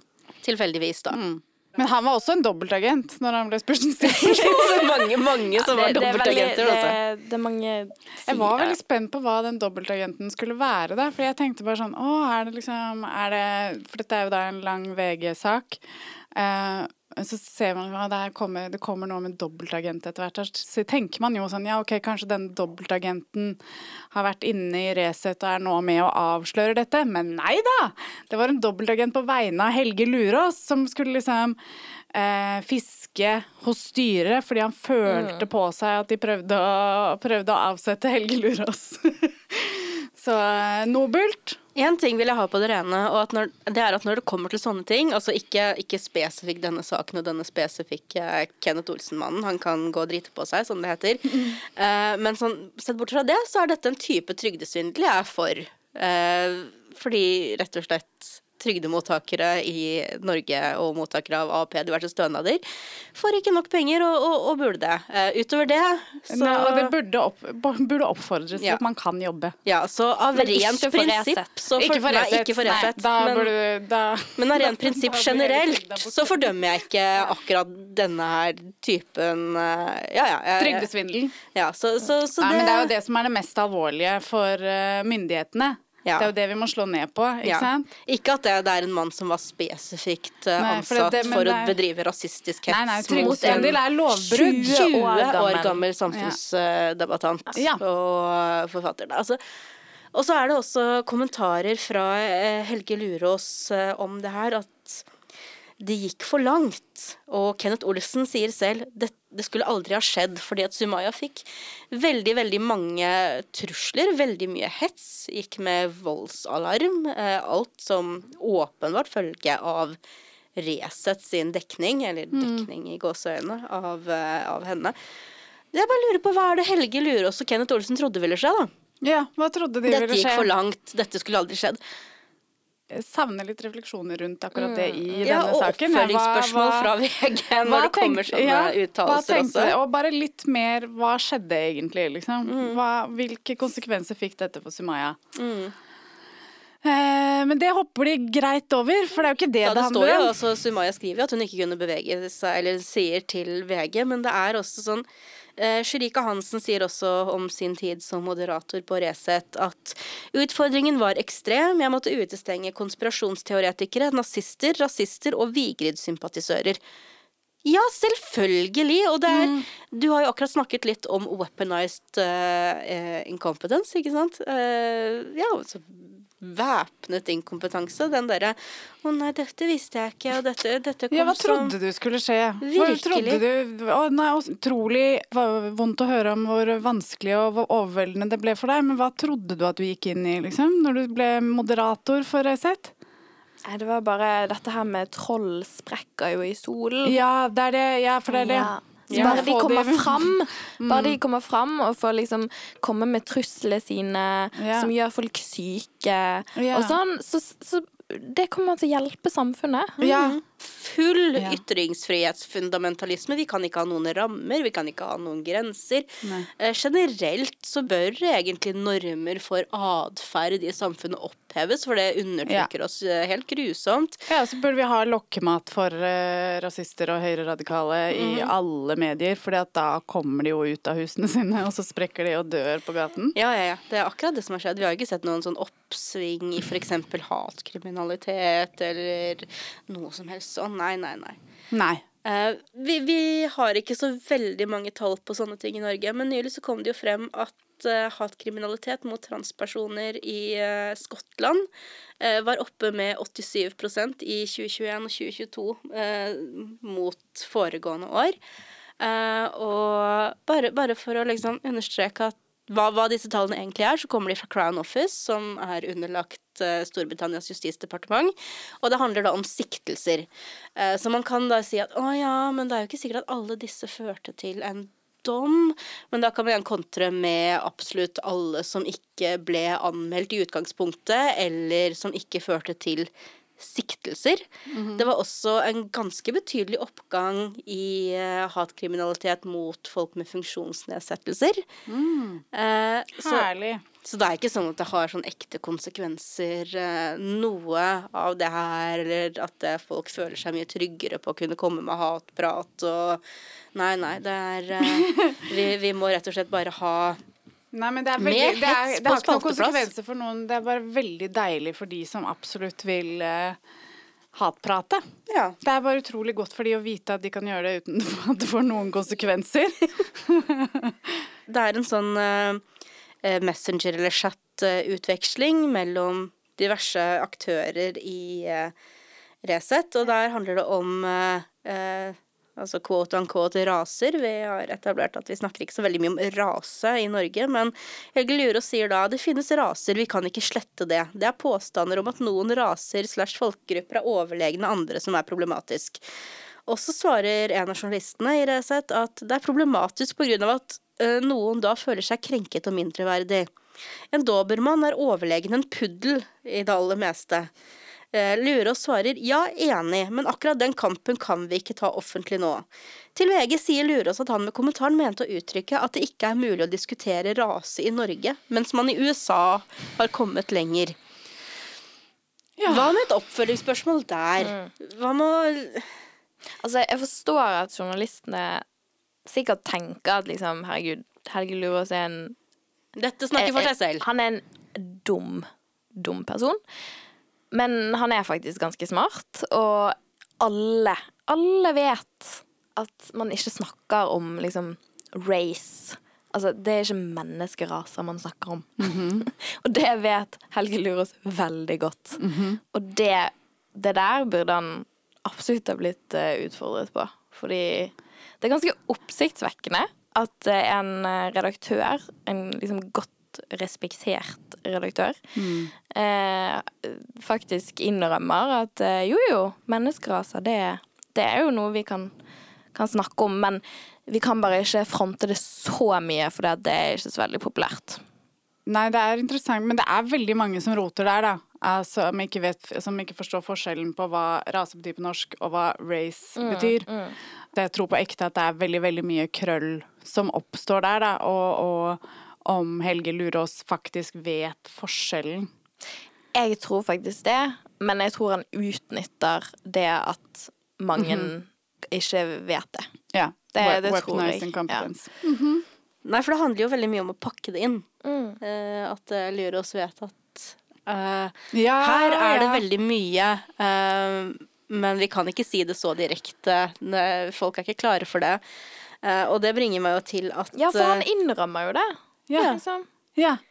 Han vet det er Det er mye Jeg skulle gjerne sett mer av de samtalene, for å si det sånn. For det er, noe, det er noe som er ganske interessant der. Men apropos innpakning og staffasje og hvordan man presenterer ting, og hvordan og, og, det er jo det som jeg hele tiden kjepphester, hvis jeg kan bruke det som verb, mm -hmm. er at politisk korrekthet egentlig handler om. Det handler jo, slik jeg ser det opprinnelig, om å kunne pakke inn helt hårreisende ting i et språk som er akseptabelt. Ja. Eh, og Mikkel Doblaug, som da er eh, milliardær, investor i Resett, tidligere styremedlem Jeg tror han bare er mange millioner. Bare, okay. okay. bare mange tilbake. millioner. Er, okay. For det er de andre som er sånn milliardærer. Ok, ja. Stakkars Mikkel Doblaug er Sånn Spetalen og Haudemann Andersen som nekter for at de Nei, jeg har ikke hatt noe med dette å gjøre på veldig lenge. Jeg, som om ikke alt dette her handler om at de må på en måte rydde opp i hva de nå helt åpenbart forbinder regnes med, liksom. For sånn det er for meg, så setter jeg likhetstegn mellom Resett og Spetalen, liksom. Uansett om han har solgt seg ut eller ikke, så er det faen hans skyld, ass. Ja, ja. Fuck. Fuck. Øystein ja, altså alle, ja, ja. Fuck alle investorer og, Resett. og det de er så feige nå de skjønner. Det er bare sånn Å, faen, hva er det vi har gjort, liksom? De har brukt det her som en sånn springbrett inn i mainstream-media, for ingen gidder å høre på de. Han Øystein Straksbetalen, dust, liksom. Ingen gidder å høre på han. Men så har de laga Resett, hvor han kan liksom komme på podkasten og si noe greier om at uh, det er ikke rart uh, ingen uh, ungdommer i Norge ikke blir rike, for de sitter jo bare og drikker caffè latte på kafé hele dagen, som om ikke Caffè latte er jævlig dyrt. og digg. Som om ingen eh. noensinne har jobbet fra en kafé? Nei. Nei, nei, det er jo ingen som jobber derfra. Det er ingen frilansere som sitter på kafé og plakker seg på, på latte. Liksom. og i liksom. hvert fall de siste par-tre årene, for det er ganske nylig utspill fra Spetalen at uh, folk sitter på kafé i stedet for å være på jobb. Og vi vet jo spesielt fra de siste to-tre årene at mm. det her med å jobbe fra et annet sted enn kontoret, det lar seg ikke gjøre, rett og slett. Ja, Hvordan har han egentlig tid til å se alle de folkene som sitter på kafé? Men jeg har lært meg én ting, da, og det er at uh, jeg, spar, har faktisk spart en del penger på å jobbe hjemmefra og trakte kaffe, så jeg har blitt litt rikere. Så takk spedalen for det. Det er rett og slett derfor du har hatt mulighet til å, å kjøpe deg hus det er fordi du slutta å drikke så mye caffè latte? Ja, definitivt. Men Jo, det jeg skulle frem til i sted, er at Lurås sier også, eh, skriver VG, at eh, Mikkel Doblaug har ringt til Sherika Hansen i beruset Å, er tilstand og sagt at Subjekt er en mye bedre avis enn Resett, og at Helge Lurås bør byttes ut med Danby Choi. Hansen sier det er riktig at Doblaug ringte henne. Doblaug sa at Lurås burde byttes ut, og at Subjekt var en bedre avis, men at det ikke stemmer at han sa Lurås skulle erstattes med Danby Nei, han ble ikke anklaget for å si at han skulle, han sa bare at han burde. Ja, han burde. Og hvorfor det? Er det kanskje fordi Dambi er veldig god på å pakke inn helt sinnssyke meninger i sånn gråsoneinnpakning som de voksne ikke greier å tyde, liksom? Nei, jeg tror faktisk eh, Jeg tror faktisk det handler om designet på nettsiden. Ja, jeg tror ikke det handler om Nei, okay. Ja. Det handler om estetikken. Det Det Ja. handler om Etikk og ikke estetikk. Det, det er taglinen til subjekt. Etikk og estetikk. Først og fremst, det betyr ingenting. Ja, men Det er, én av bare to to er så som ser, det er bare to ord som ser kule ut ved siden av hverandre, og ikke har noe med hverandre. Og så er jeg bare sånn, men hvilken etikk, da? Hvilken jævla etikk, liksom? Doblaug skriver at, eh, eller sier angivelig, at det er åpenbart at jeg satte penger på feil avis. Kommer vi til å se en eh, investering fra Doblaug i Subjekt i uh, fremtid? da kan ikke Dambi være eneeier, styreleder, sjefredaktør og daglig leder. Om tilbudet er liksom stort nok, så kanskje, liksom. Men, men eh, Dambi er veldig stolt av å eie dette, å være eier og sjef og sjefredaktør og Han er jo sjef. altså Hele identiteten hans er Han jo er sjef. sjef. Han sa det i D2-intervju. sånn, jeg vil ikke reduseres til å være en uh, dobbel minoritet Han sa det vel selvfølgelig ikke sånn, men han sa han vil ikke reduseres til uh, å være en minoritet. Jeg er sjef. sjef. jeg er først og fremst sjefredaktør. Så jeg var sånn, ja, det er en sunn innstilling, du. Jeg er jobben min! På min hals. Jeg har ingen annen, det er ingen andre kvaliteter med meg som er viktig. Og på en måte skal jeg si at jeg har hatt den, litt den vrangforestillingen selv. Eh, Og jeg gikk så jævlig på veggen på grunn av det, liksom. At jeg har vært sånn, å nei. Fordi jeg fikk barn tidlig. Eh, så var jeg, var, jeg har vært sånn sykelig opptatt av å ikke liksom bli eh, identifisere, identifisere meg som mamma, eller være liksom kone til kjendismannen, eller liksom sånne ting. At eh, jeg har liksom bare vært sånn Nei, jeg er jobb. Jobben min, og jeg er den personen, og jeg har suksess, og det er viktig. Fy faen, så jævlig man går på trynet når man har den innstillingen. Det er ikke, ikke sunt. Uh, Det du sier er at Dambi Choi burde få seg en hobby. jeg vet ikke, altså. Dambi vet ikke om han trenger det. Han har jo en helt ekstrem stamina. Han er jo faen overalt hele tiden. Jeg skjønner ikke, altså. Ja, sitt eget et fotballag. Han, ja, subjekt, ja. Bedriftslag har de. Ja. Eh, og så er han jo faen på Dagsnytt 18 eller Urix eller eh, Kveldsnytt eller Helgenytt eller Faen, han er jo der hver dag, liksom. Alle de pengene han anklages for å ha liksom stukket av med i stedet for å betale sine ansatte, de har han brukt på å klone seg selv. Ja, å ja. Ja, ja, for det ville forklart hvorfor Ja. Han har tid til å være så mange steder samtidig. Da. For jeg skjønner det ikke, liksom. Og, og i tillegg har liksom sånn sjefredaktørjobb. Men det er jo veldig typisk, da, for det er min erfaring fra norske medier er at redaktørene, de er faen aldri på jobb. Men det virker jo som at han er på jobb hele tiden. Altså, jeg har lyst på kondisen til Dan Møytøy. Mm. Bare please, gi meg den. Kondisen til Dami Choi. Ja, for det, vi, vi shit-talker mye, men samtidig så Men men det må måte litt sånn, jeg, er jo, eh, jeg er jo genuint imponert av Ja. hvor mye det går an å gjøre, liksom. Å ha fire, fire fulltidsstillinger i samme avis og gjøre masse intervjuer og være på utstillinger og filmpremierer og altså, hva, altså han er jo overalt. Men kan det skyldes at måtte, han har tatt litt forbi eh, ytringsfrihetstran? Ja. kanskje. ja. Kan det for ha noe med det å for mye ytringsfrihetstran. Ja. Og så har han jo veldig, veldig dyre, gode møbler å, å slappe av i når han først eh, Når han har tid til å sitte i det? Det tror jeg ikke. Jeg tror de, de møblene har aldri blitt sittet i. Nei, det er derfor de ser så fine ut. Ok, godt poeng. Ja, nei, det er funny. Jeg ble veldig glad av å lese at uh, Resett eh, anerkjenner uh, Dambi Choi. Uh, styret i Resett. de vil jo selvfølgelig da ha Dambi Choi som redaktør. Det har jo vært en greie lenge at det er lite som gir mening, men, og, det, ja, ikke sant? og vi, har, vi har omtalt det sånn. Det er mange andre som også kaller uh, subjekt uh, Resett for uh, Westerdals studenter. og det er deilig å se at han får den anerkjennelsen han fortjener, altså. For det er, det er ingenting som er mer, eh, mer rett enn at uh, de andre De styrelederne som har sikkert like fine dresser som Dambi, har lyst til å ha denne stilige doble minoriteten som redaktør for det mest rasistiske mediumet i Norge. Eh, Ja, de er faktisk bedre på det enn Resett. ja. Men eh, eh, du var jo nettopp eh, gjest på eh, Subjekt sin podkast Etikk og estetikk, som vi nå akkurat har trashet navnet til. Eh, men, eh, men hvordan var det? Jeg, jeg, har ikke, jeg har ikke fått hørt det selv, dessverre. Eh, For det er liksom Det, er, det føles for meg det er sånn det ser ut. Jeg har hørt det, jeg har, hørt det, jeg har vært innom et par ganger, men det føles som eh, Dambi Choice ønske om å lage sin egen Dags 18. ja. Ja, det, ja, men jeg tror det, jeg tror det sier For han er jo ganske- selvfølgelig også programleder. Ja, ja. Og det, det føler jeg også at han sier ganske tydelig også. Altså, dette her er min Dagsnytt 18. Å ja, han sier det. Ja, jeg mener det. Eller Ok. skrevet det selv. Ja, men okay, men, uh, du føler nok å være ærlig på det. ja. Uh, altså, jeg ble jo litt, uh, ble litt på en måte overrasket, på en måte, når jeg ble invitert. Uh, spurte selvfølgelig hvem som skulle være der sammen med meg. Mm -hmm. uh, Vebjørn Selbekk. OK. Oh, wow!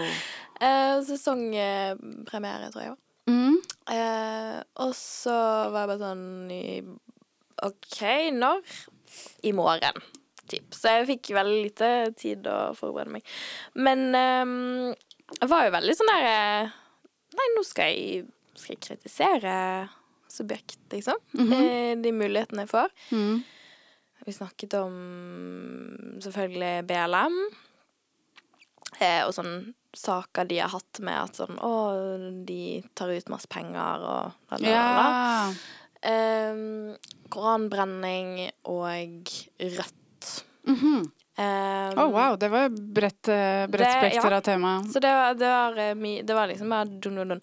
Men så i, i begynnelsen da, så var jo det introdusert av meg, og så eh, spurte han hvorfor jeg ville skrive boken min. Um, og så sa jeg litt sånn litt på tull uh, at jo, grunnen var jo fordi subjekt. Trengte, trengte å få ut liksom litt frustrasjon der, da. Måten eh, dere vinkler saker på, eh, blant annet. Um, så, så da fikk jeg liksom eh, fikk inn den, da.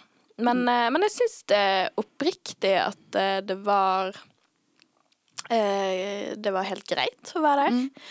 Ehm, og um, jeg syns han var en god og liksom Han prøvde å stille kritiske spørsmål til begge oss. Jeg tror han har blitt veldig sånn um, måte obs på at han er delaktig og, og har sine sterke meninger om ting, da. Så han var ganske flink på å på en måte eh, prøve å være nøytral, da. Mm. Ja, men han, det er jo det han er. Han er jo primært nøytral. Han er jo nøytralitetens høyborg.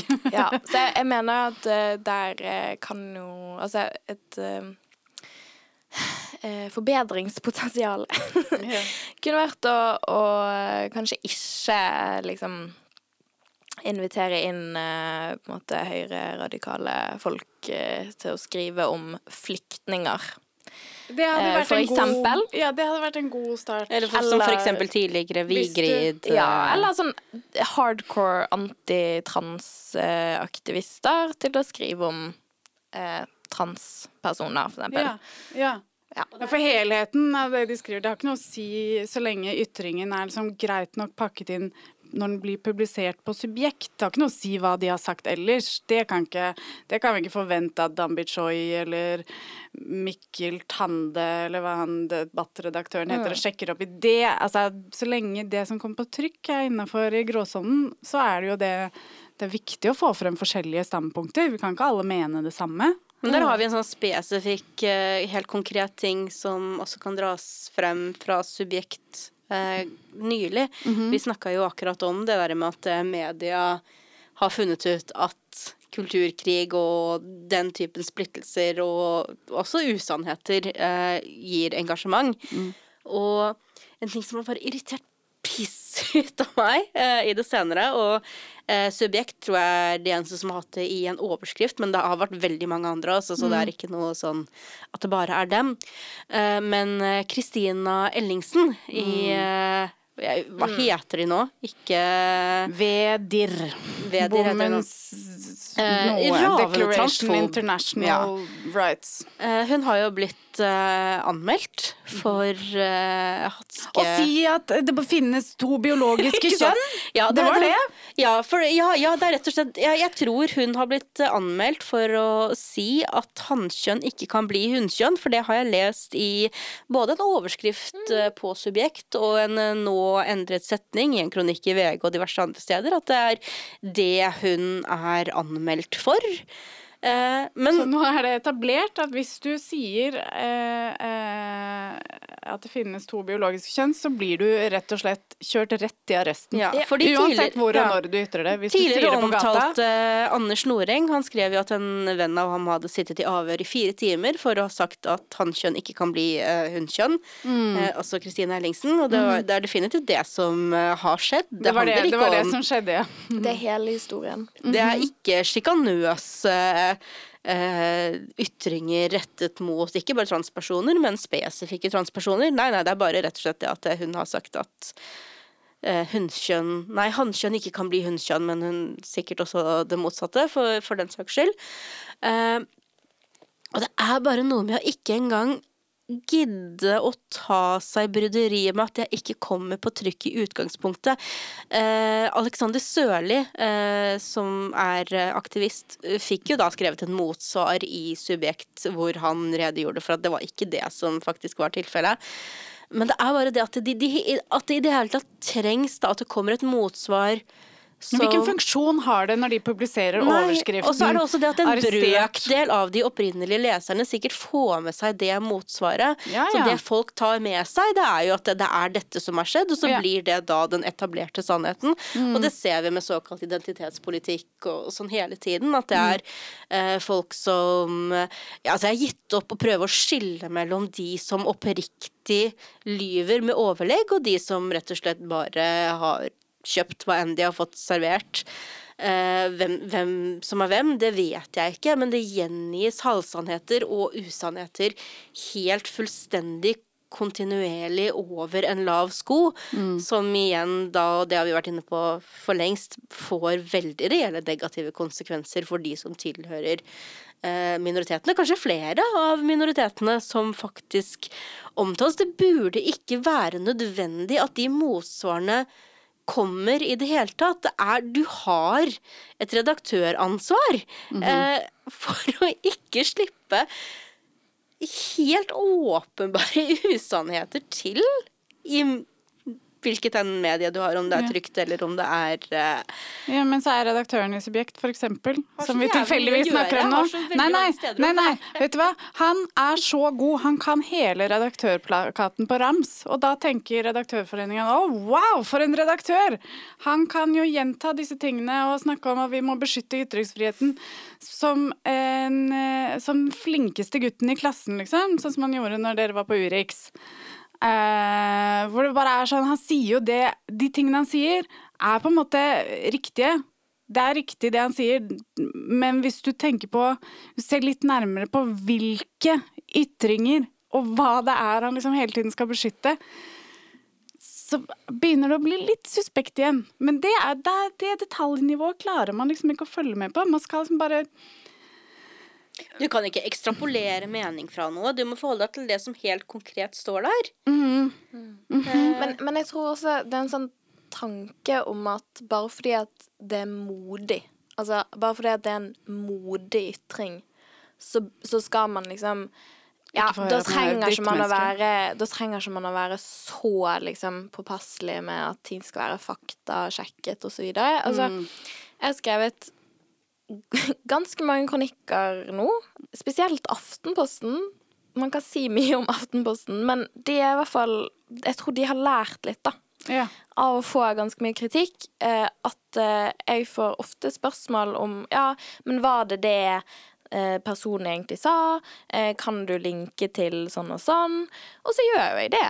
Men, men Det er jo dødsbra. Ja, og det, det tror jeg ikke liksom finnes i liksom de måte avveiningene som blir gjort på, på Subjekt sine debattsider. Jeg tror bare Jeg tror tanken er sånn Å, dette her, det, det er klikk. Mm. Uh, og det er en modig ytring, så det må vi bare det må Og vi politisere. modig eller kontrært, da er det viktig. Det er ikke Ja. mange som tør å si dette, så da er det viktig at vi trykker det.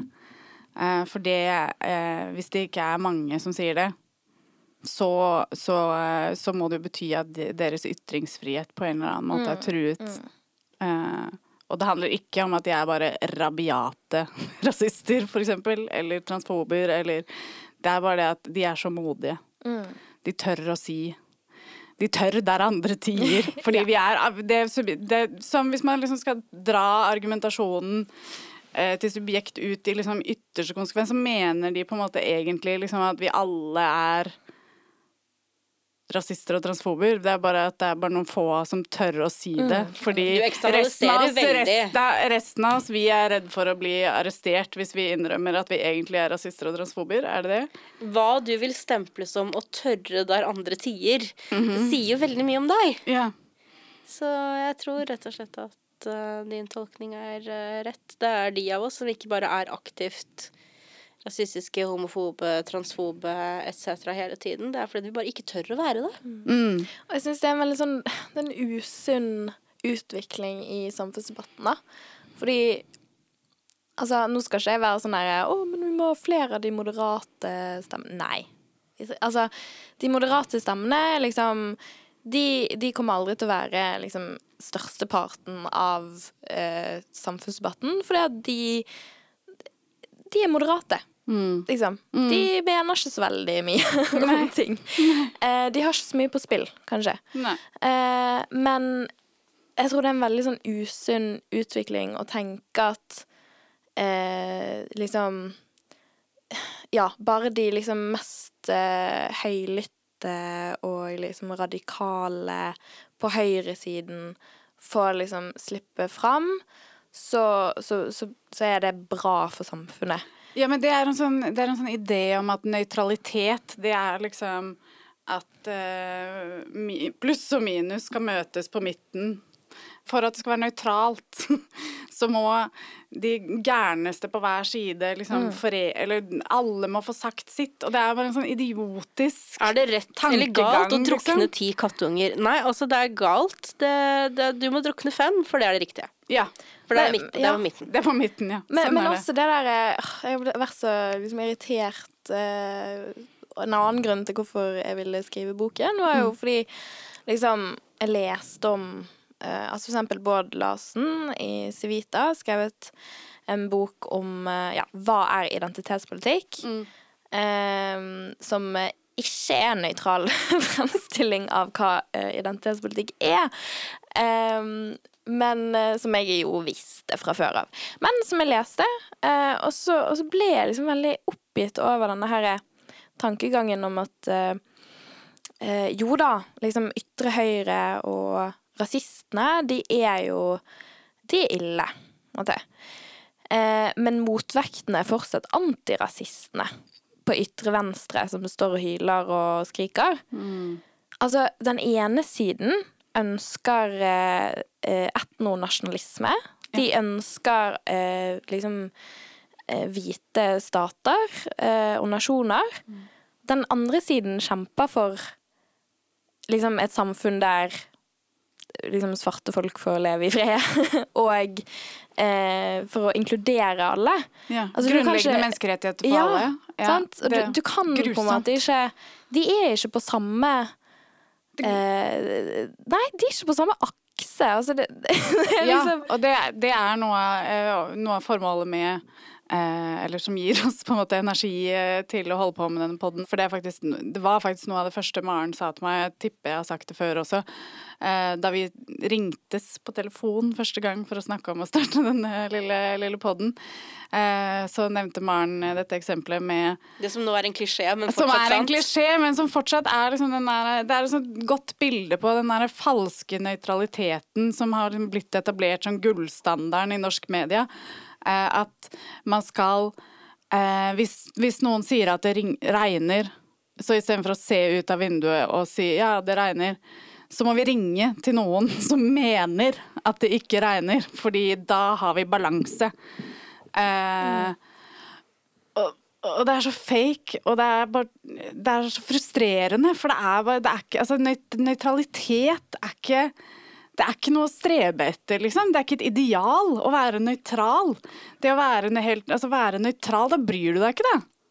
Da bryr du deg ikke om en drit, liksom. Hva er det du kjemper for, da? Vi kjemper for en del ting. Det er derfor vi ikke er nøytrale. Og derfor så blir liksom venstresiden eller antirasister eller sånn, fordi man faktisk har noe man kjemper for. Så er det Det er galt, da. Og det er også sånn, Rundt BLM så var det en øh, Om det var en undersøkelse eller om det var bare masse norske redaktører som ble intervjuet. Men da fikk de spørsmålet bør, bør norske journalister eh, engasjere seg og gå i demonstrasjoner.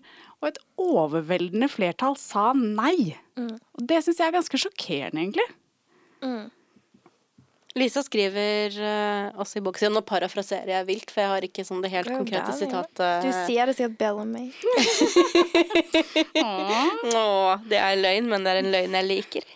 Uh, nei, nei, men, men du skriver om hvordan uh, mye av motstanden mot identitetspolitikk eh, muligens kommer fra at de som er såkalt motstandere av det, eller som motsetter seg identitetspolitikk, tenker at identitetspolitikere eh, går for identitetspolitikk som ba, Bare for identitetspolitikkens skyld, fremfor at det vi egentlig har et felles mål, hvor identitetspolitikken er et verktøy underveis. Da, at det er det vi De fleste av oss vil jo ha likhet, enten det er etnisitet, hudfarge, kjønn, seksualitet, eh, kjønnsidentitet, identitet, eh, hva enn det måtte være. Men så er det noen som ønsker å operere med en tanke om at vi har det allerede, og derfor må alt For det, det å Derfor bryte den illusjonen Ja. for folk, det er liksom Å, det er litt mye.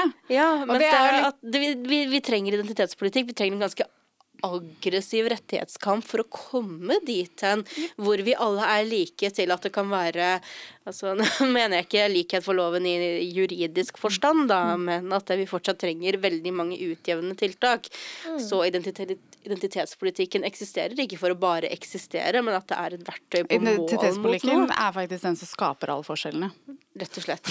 Det er faktisk identitetspolitikken som har gjort at at det er Egentlig så var alt helt fint før vi fikk identitetspolitikk. Det som er litt morsomt, er at det var jo nettopp det. Det var jo helt fint for en veldig liten gruppe.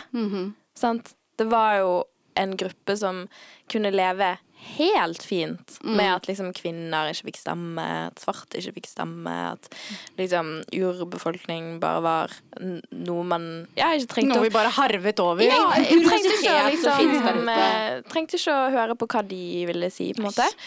Sånn at identitetspolitikk, ja, selvfølgelig er det konfliktfullt.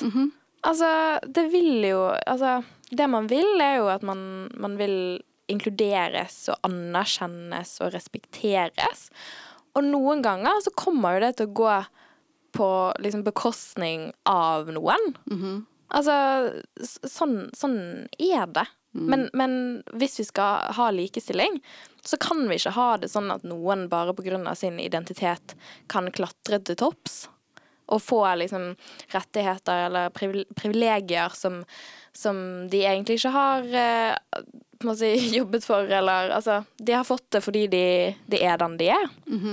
så, så det er liksom Jeg tenker eh, Ja, altså, identitetspolitikk det er konfliktfylt eh, for, for mange ulike grunner, men det er jo det er jo helt nødvendig. Selv om Vi selv om- prøver å rydde opp, liksom. Ja, vi prøver å rydde opp, og, og det Noe av det jeg liksom hører mange ganger, er jo at ja, men man må jo også liksom tenke på alle fremskrittene man har gjort. Og så er det litt sånn Jo, jo, men Men And so what? altså, eh, Men også, det er bare sånn, hvordan, hvordan har de fremskrittene skjedd? Har det gått på bekostning av noe? Hvordan går det egentlig med samfunnet og systemet og planeten? Går det veldig bra, eller?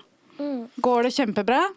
Og det- og det er det frem- sånn at alle, liksom, alle arter, de bare stortrives og yngler og eh, utvikler seg og lever i harmoni?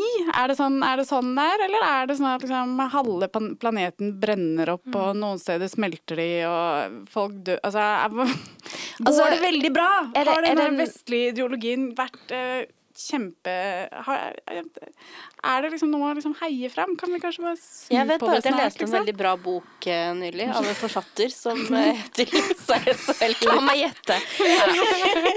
Nei da, men Ja, unnskyld. Nei, altså det, det jeg skulle si var jo at eh, altså, Vi må slutte å tenke at liksom framskritt er noe som er bare går av seg sjøl, som er naturlig, på en måte.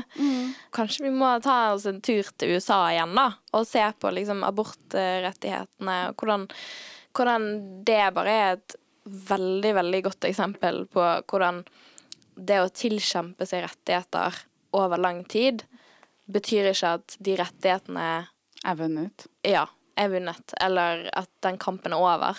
Um, og selv om uh, man i liksom USA 2020 ikke trenger å, å liksom kjempe for på en måte Kjempe mot liksom politisk segregering, så har man andre kamper som er akkurat like viktige for de folkene som, som på en måte blir eh, eh, blir over eh, overpoliced og, og på en måte eh, ja, opplever urettferdigheter. urettferdighet, da. Sånn at jeg syns det er en veldig sånn veldig, Det er latskap å på en måte si at liksom Ja, men fordi vi har gjort noen framskritt, så ro deg ned, på en måte. Ja, altså det er Det- faktisk, eh, Vi må bare fortsette å å lene oss tilbake og la milliardærene gjøre Å fokusere på hudfarge er rett og slett det som er rasistisk. Fordi Nei da, men det er jo det den smarte, smarte forfatteren jeg, jeg, jeg nevnte,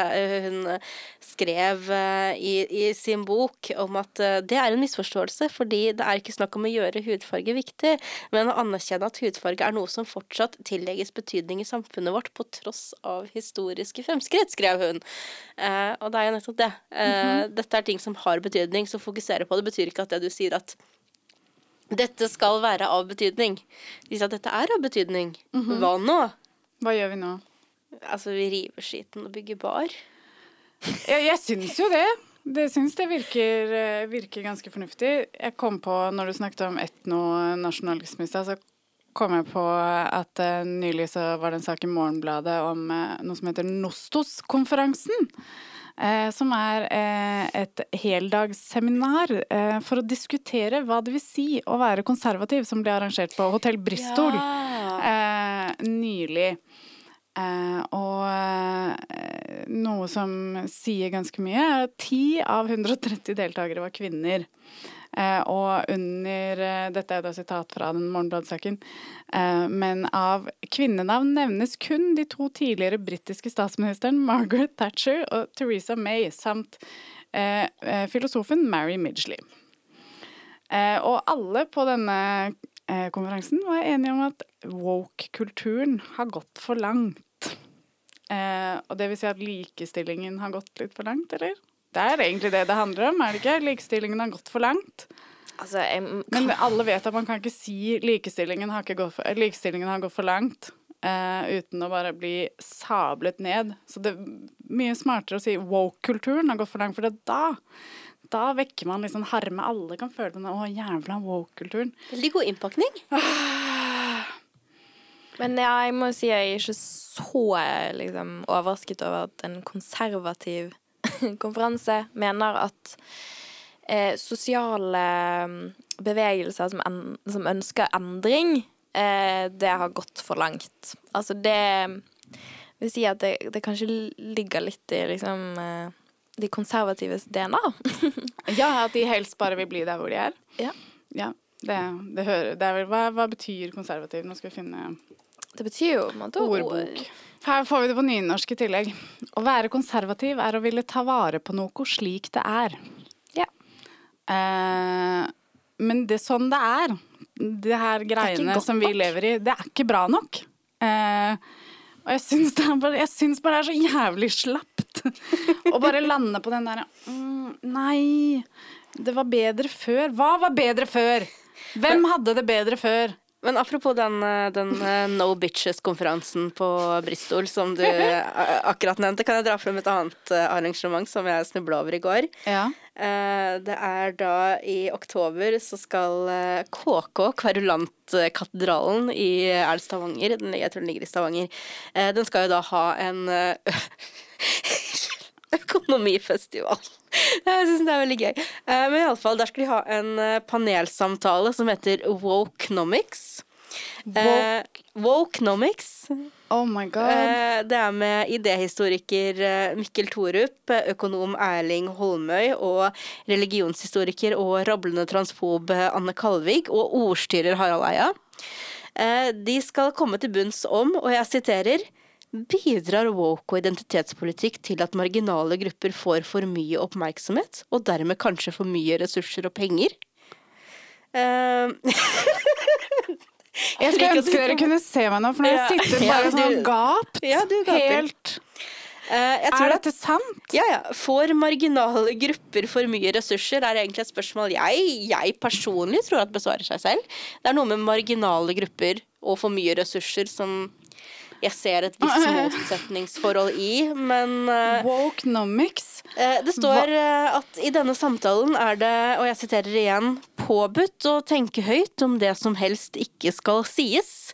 Så jeg tenker at uh, det her blir en bugnende frukthage av innsikt, uh, sosialpolitisk fingerspitzgefühl og uh, empati. Så jeg vurderer å dra til Stavanger og bare Hekle dem. Jeg bare Nei, altså, jeg har, Råtne tomater og egg. Jeg har ikke noe ord, egentlig. Eller sånn, Wokenomics. bare Altså, hadde det i hvert fall vært interessant da. altså, Det går an å si at det finnes jo noe som heter wokenomics, som er når eh, store selskaper Ja. eh, pakker seg inn i Når de kapitaliserer på rettighetskamp, som yeah. Black. Lives Matters yeah. Og Pride. Pride. som jo er blitt eh, vanlig, og noe som også er sånn eh, Folk i vår krets eh, med et visst nivå av intelligens, vi ser disse tingene, vi snakker om disse tingene, vi kritiserer det. Det er wokenomics, liksom. Det er idiotisk woke-økonomi eh, som, som bare er tull. Det der Det der som de skal diskutere, det er ren løgn.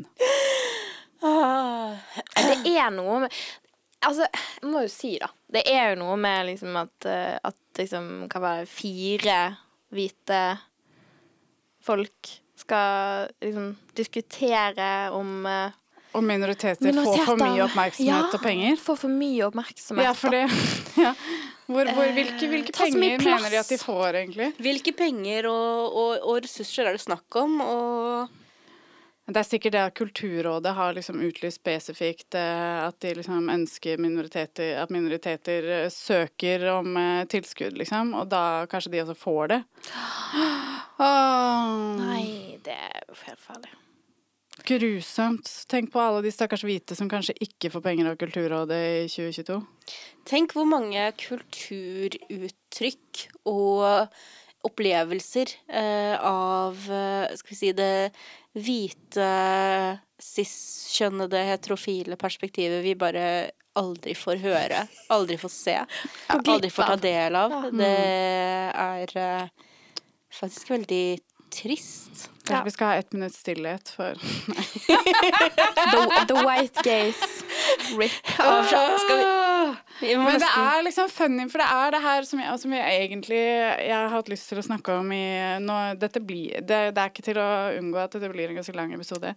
Men ehm, som, jeg, som vi egentlig skulle snakke om for ganske lenge siden, Maren. Eh, men så skjedde livet og eh, alle tingene samtidig, så vi har, måttet, eh, vi har hatt et lite opphold, som eh, vi har nevnt tidligere.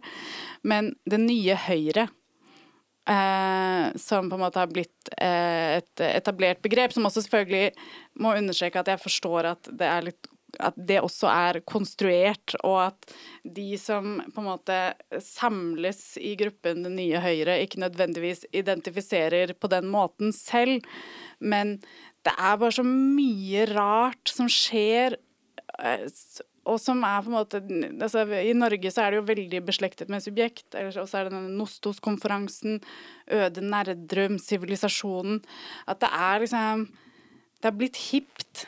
Å være reaksjonær og kontrær og si liksom eh, høyrepopulistiske ting.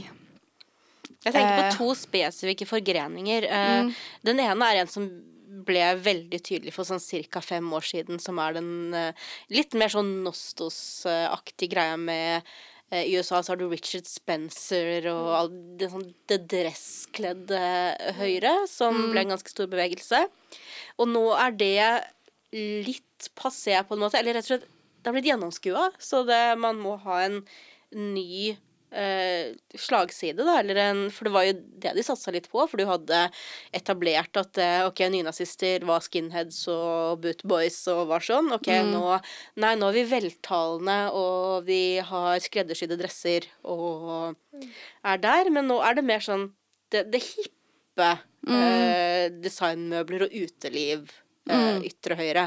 Mm. Eh, så det tilhører litt sånn samme, samme, samme gren av det Veldig nye høyre. Veldig opptatt av kultur. Men, mm. Uh, det er Kunsten var så mye bedre før. Ja. Grusomt. Det verste de vet. Det, altså, og det, altså, det tror jeg vi kan Her er det nok mange som møtes uten å være en del av det nye Høyre, men eksempel sånn AI-art. Det er liksom Åh, grøss. Arkitekturopprøret? Arkitekturopprøret. Eh, som også er et sånt sted der mange fornuftige møtes, da. Eh, mø eller mange fornuftige møter de ufornuftige.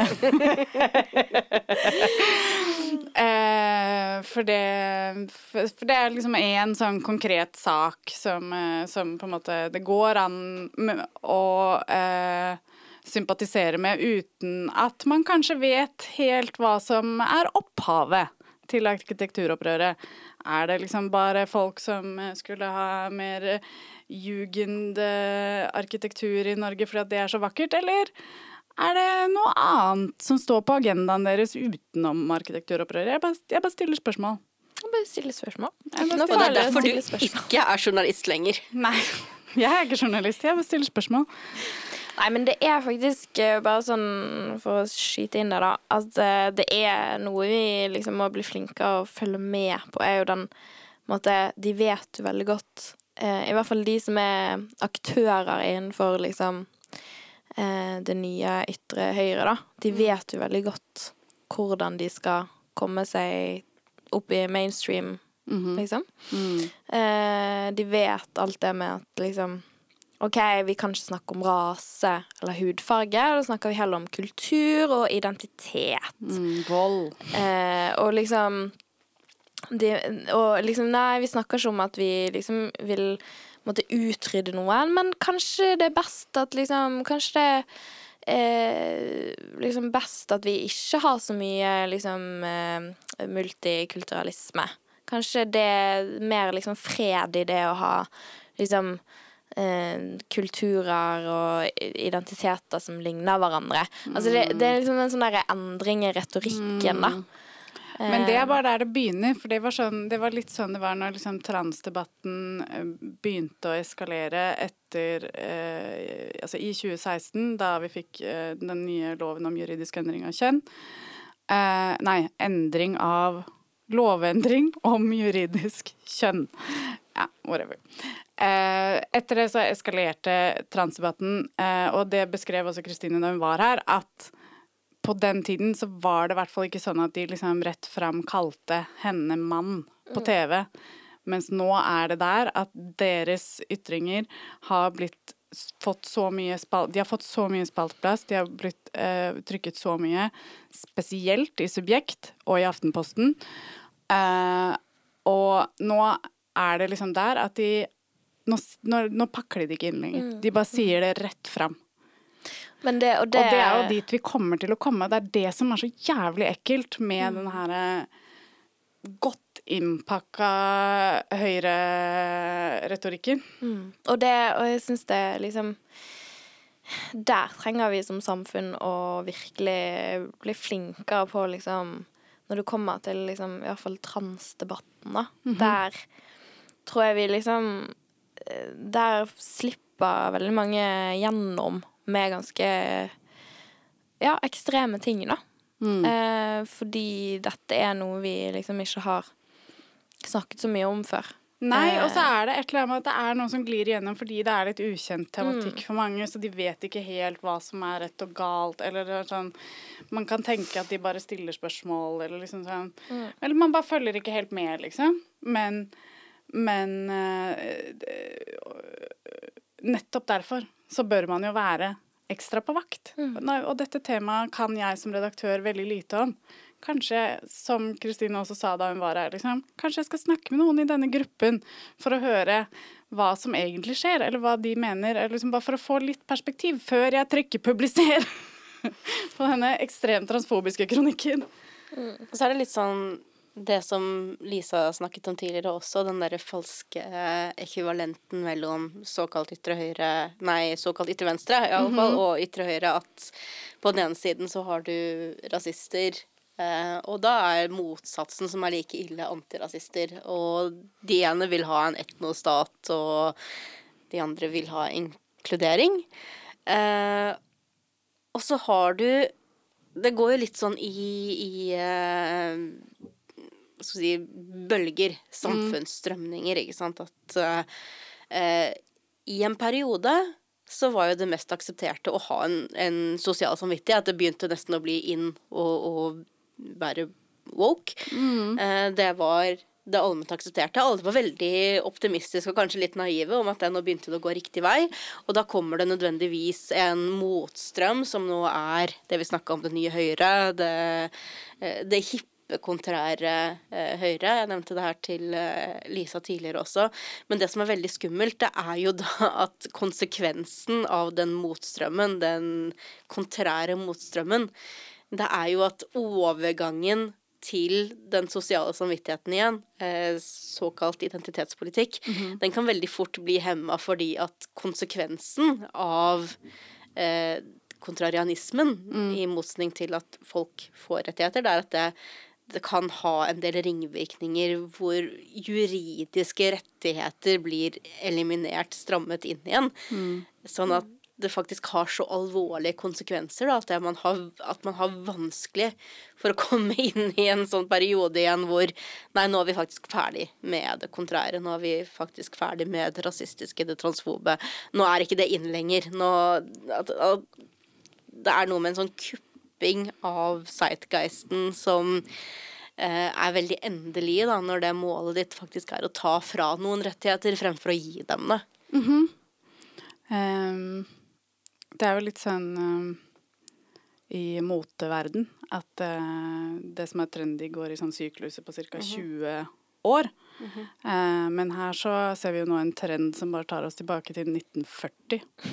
Ja, ja men bokstavelig talt, det er, ikke, det er ikke en spissformulering, det er ikke en overdrivelse. Det finnes jo disse Altså, man kan si at det er samfunnsstrømninger som gjør at de sånn konkrete punktene kanskje er litt utdaterte, da, fordi vi har en annen informasjonsflyt og sånne ting. Men disse ti stegene mot folkemord, den normaliseringen av hat, eh, tilspissing av retorikk etc. Vi, vi ser jo det i veldig tydelig grad nå også. Ja. Eh, så det er jo ikke en overdrivelse Nei, altså, når du jo, her har sier det vært en hel konferanse på Bristol som eh, Morgenbladet skriver om, og som vi loller av, liksom. Hvor et av temaene Nå husker jeg ikke akkurat hva det er, men kanskje jeg kan finne det.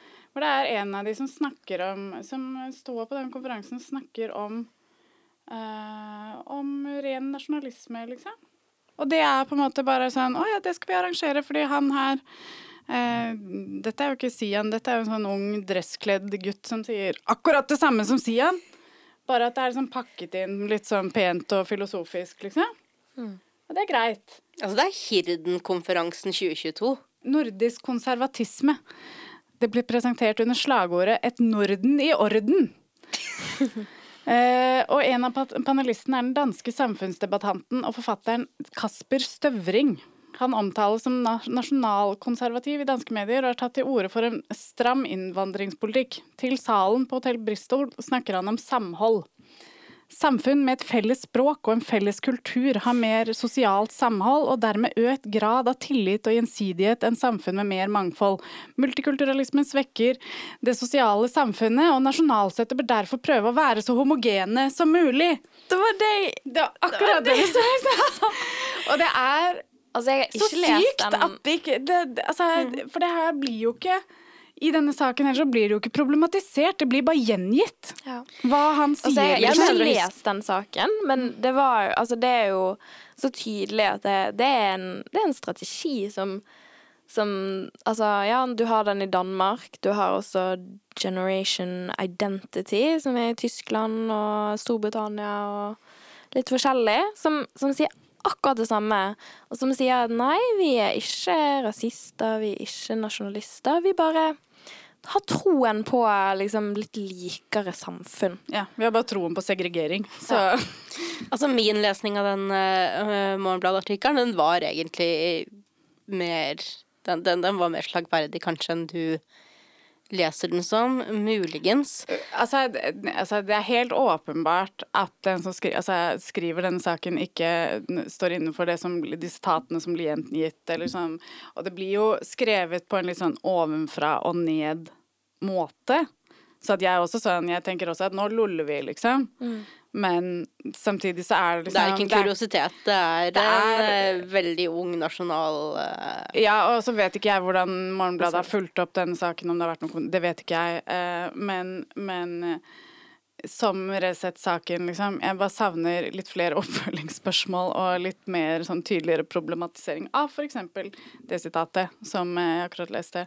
Eh, Men kanskje de ikke har intervjuet den personen. Eh, formålet er jo selvfølgelig å vise fram at dette skjer og belyse det, liksom, men, men eh, jeg syns ikke vi har snakket nok, nok om det, egentlig.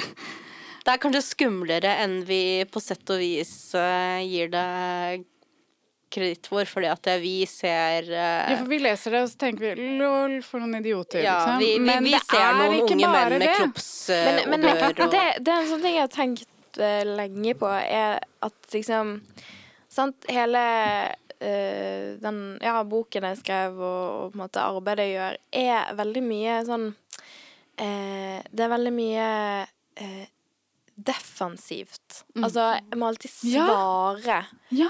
på sånn Nei, jeg er ikke en autoritær antirasist som kommer til å ødelegge samfunnet. Eller sånn Du kommer alltid i den, den pos posisjonen, da. Fordi at vi bare Eller nå, nå sier jeg liksom vi, fordi jeg føler vi er liksom ganske på bølgelengde når det kommer til disse tingene. Altså Ja, og kanskje sånn venstresiden, da. Eh, er for dårlige til å liksom sette premissene, da. Eh, og liksom komme, komme på eh, Ja, komme på Dagsnytt 18 og med en sak og liksom komme i forkjøpet på en måte før noen klarer å liksom kuppe en sak, da. Jeg vet ikke eh, om jeg har fått etablert dette, men jeg leste nylig en bok. Hvor forfatteren skrev. Uh, Nei, nei, men at uh, altså, om blant annet seg selv og generelt minoritetspersoner som vil delta i ordskiftet, at man må uh, forsvare sin rett til å ytre seg i offentligheten så mye at man, man får på en måte ikke muligheten til å komme med noen nye Nei. ideer. Man blir kvalt i den Men, startfasen men noe der. av det er grunnen til at jeg bare øh, Og det har jeg hatt lyst til å spørre deg om også. Jeg har mistet for min del litt sånn troen på f.eks. å skrive kronikk, da. Jeg har gjort det et par ganger, men det er utrolig utmattende å liksom følge opp og være med og svare og stille opp på Dags 18 når de ringer. Eh, men jeg føler også bare at jeg ikke har noen nytte. Mm. Jeg vet ikke, hva, for, og det har jeg hatt lyst til å spørre deg om. Føler du liksom at ja, altså Samfunnsdebatt i norske medier, da, har det noe for seg? Ja, og litt fordi at jeg bare Jeg føler, jeg føler ikke det et eh, føler ikke at det er et liksom alternativ Nei. å gi opp, fordi Nei. Eller min liksom eh, Måten jeg tenker, er jo at liksom Nei, fy søren, det der eh, skal ikke få bli sagt eh, uten å liksom bli utfordret eller motsagt, da. Eh, og selvfølgelig rekker ikke liksom alt, og jeg skulle gjerne gjort mer, men jeg bare klarer ikke å få ro da før, eh, før liksom jeg føler at eh, liksom Ja, men folk trenger å høre at det finnes også en annen side til denne saken. Nettopp. Det gjør jo det med nesten alle saker. Og jeg har jo tro på at liksom selv om Selv om på en måte eh, man kan bidra til debatter eh, som ja, om woke og cancel culture der kanskje ja, Danby får flere tilhengere, så i hvert fall så er det noen der som kanskje utfordrer han litt, da. Ja. Eh, og det ser jo jeg på som en verdi.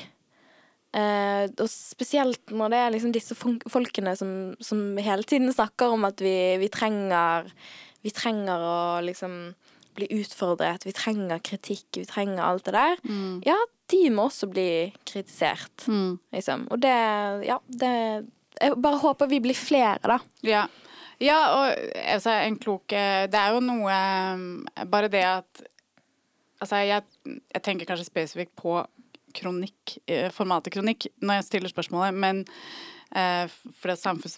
Altså, jeg skjønner vi må ha en samfunnsdebatt, eh, men det er også noe veldig viktig i det du sier, da. Det var en veldig klok mann som sa til meg en gang at eh, pessimisme En hva? En klok mann. Unnskyld. Kansellert. Jeg beklager. Jeg beklager. Nå skal jeg sitere en mann her.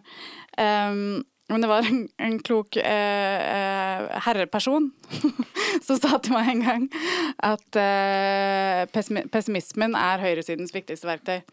Eh, og det var da jeg skjønte, etter mange år med liksom bare sånn Mange fortvilede år, så var det akkurat det at han sa det, som gjorde at jeg var sånn Faen, det har du rett i.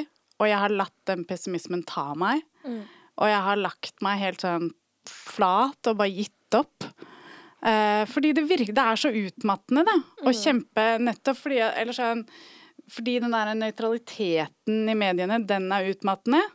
Fordi at eh, vi er, Jeg vet hva vi kjemper for. Jeg vet at det Jeg vet at vi har rett. Jeg vet at vi vil eh, de fleste mennesker vel, liksom. Eh, men allikevel så har jeg liksom bare liksom rett og slett bare blitt liksom grepet av den pessimismen. At det føles så håpløst. fordi at hver gang du ser en sånn sak om at nei, nå eh, Et eller annet i USA eller et eller annet her, altså hva, hva det nå enn er, da. Jeg blir oppriktig sånn ille til mote, da. Og så etter hvert så orker man ikke det. Og så, og så må man liksom bare rett og slett for sitt eget velvære trekke seg litt sånn eh, unna, liksom. Men eh, Men det er jo da de får fotfeste. Fordi vi ikke orker, liksom.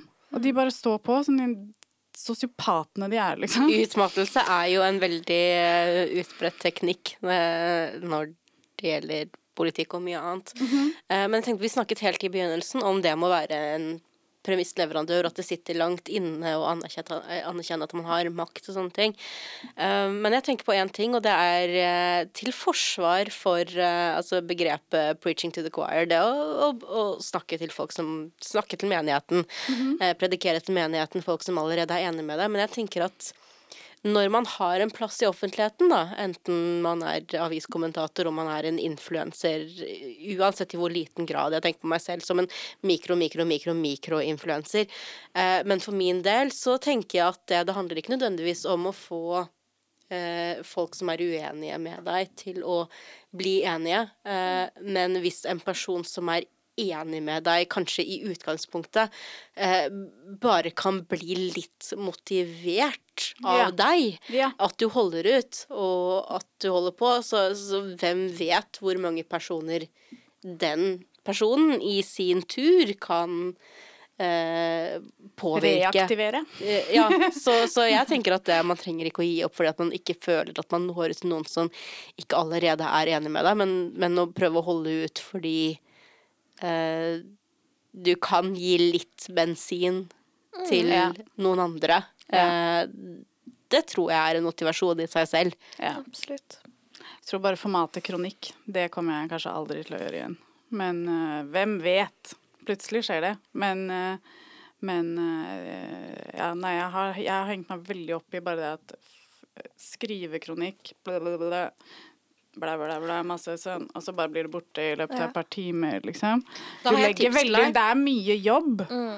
Uh, og, og man får på en måte veldig ofte ganske lite igjen for det, da. Annet enn mye pes, liksom. Start en podkast i stedet. Og det er det vi har gjort, og det er derfor Ja. vi sitter her. Og, det, og jeg tenker også at sånn Jeg liker jo denne, dette formatet mye bedre, å Ja. liksom snakke sammen muntlig. Mm -hmm. Jeg tenker jo også at kronikk er en Liksom, det er en mulighet for Ja, det er mye som på en måte ikke blir til debatter, eller sånn, på en måte Men, men ofte så er jo det sånn at en kronikk kan få deg til den muntlige eh, greien på Debatten eller ja. Dagsnytt 18 eller eh, nyhetskanalen, sant. Sånn at det er jo også litt det der eh, middelet. eh, at man eh, Kronikk kanskje litt Det skarpt og spisset, men Mm. eh, muntlig så kan man være mye mer nyansert, da. Ja. ja, det er akkurat det. Jeg trives eh, Jeg trives jo egentlig best med å skrive, fordi da, da hører ikke folk hvor mye jeg snubler i mine egne setninger før jeg kommer til poenget.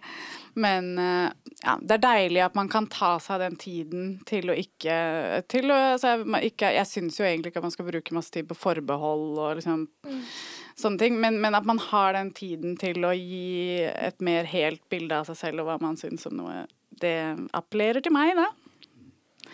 Og det Hvilken sentristisk av deg. Du er så jævlig kansellert. Ah. Nei, skal vi runde av, da, siden jeg ble kansellert nå? Ja, vi kan, vi kan runde av på at uh, Malin blir kansellert. Vi høres uh, over ferien, med mindre én eller begge dør i en sånn billig BBL-ulykke i Estland. Jeg vet ikke, jeg det kom på noe som var on brand for oss. On brand. Ja, vi er, vi er, ja, Brazilian buttlift, det er on brand for oss. Vi skal ha, jeg skal på ferie for å ta Brazilian buttlift. Nei, uh, nei men eh, for å være litt uh, seriøs, um, så um, kommer dere til å høre fra oss eh, over eh, fellesferien en eller annen gang med nye giv og masse spennende på plakaten, gudene Ja. vet. Vi lover at vi skal rante masse. Vi kan love Eh. å tease en livepod med veldig spennende gjester. Vi, ja, den 1. september så eh, kan du også eh, se oss live på Politisk korrekt teaterfestival på Hamar med ingen ringere enn Ingrid Frivold og Espen Ester Pirelli Benestad. Og vi gleder oss som små barn med gagball i Pride-paraden. It was just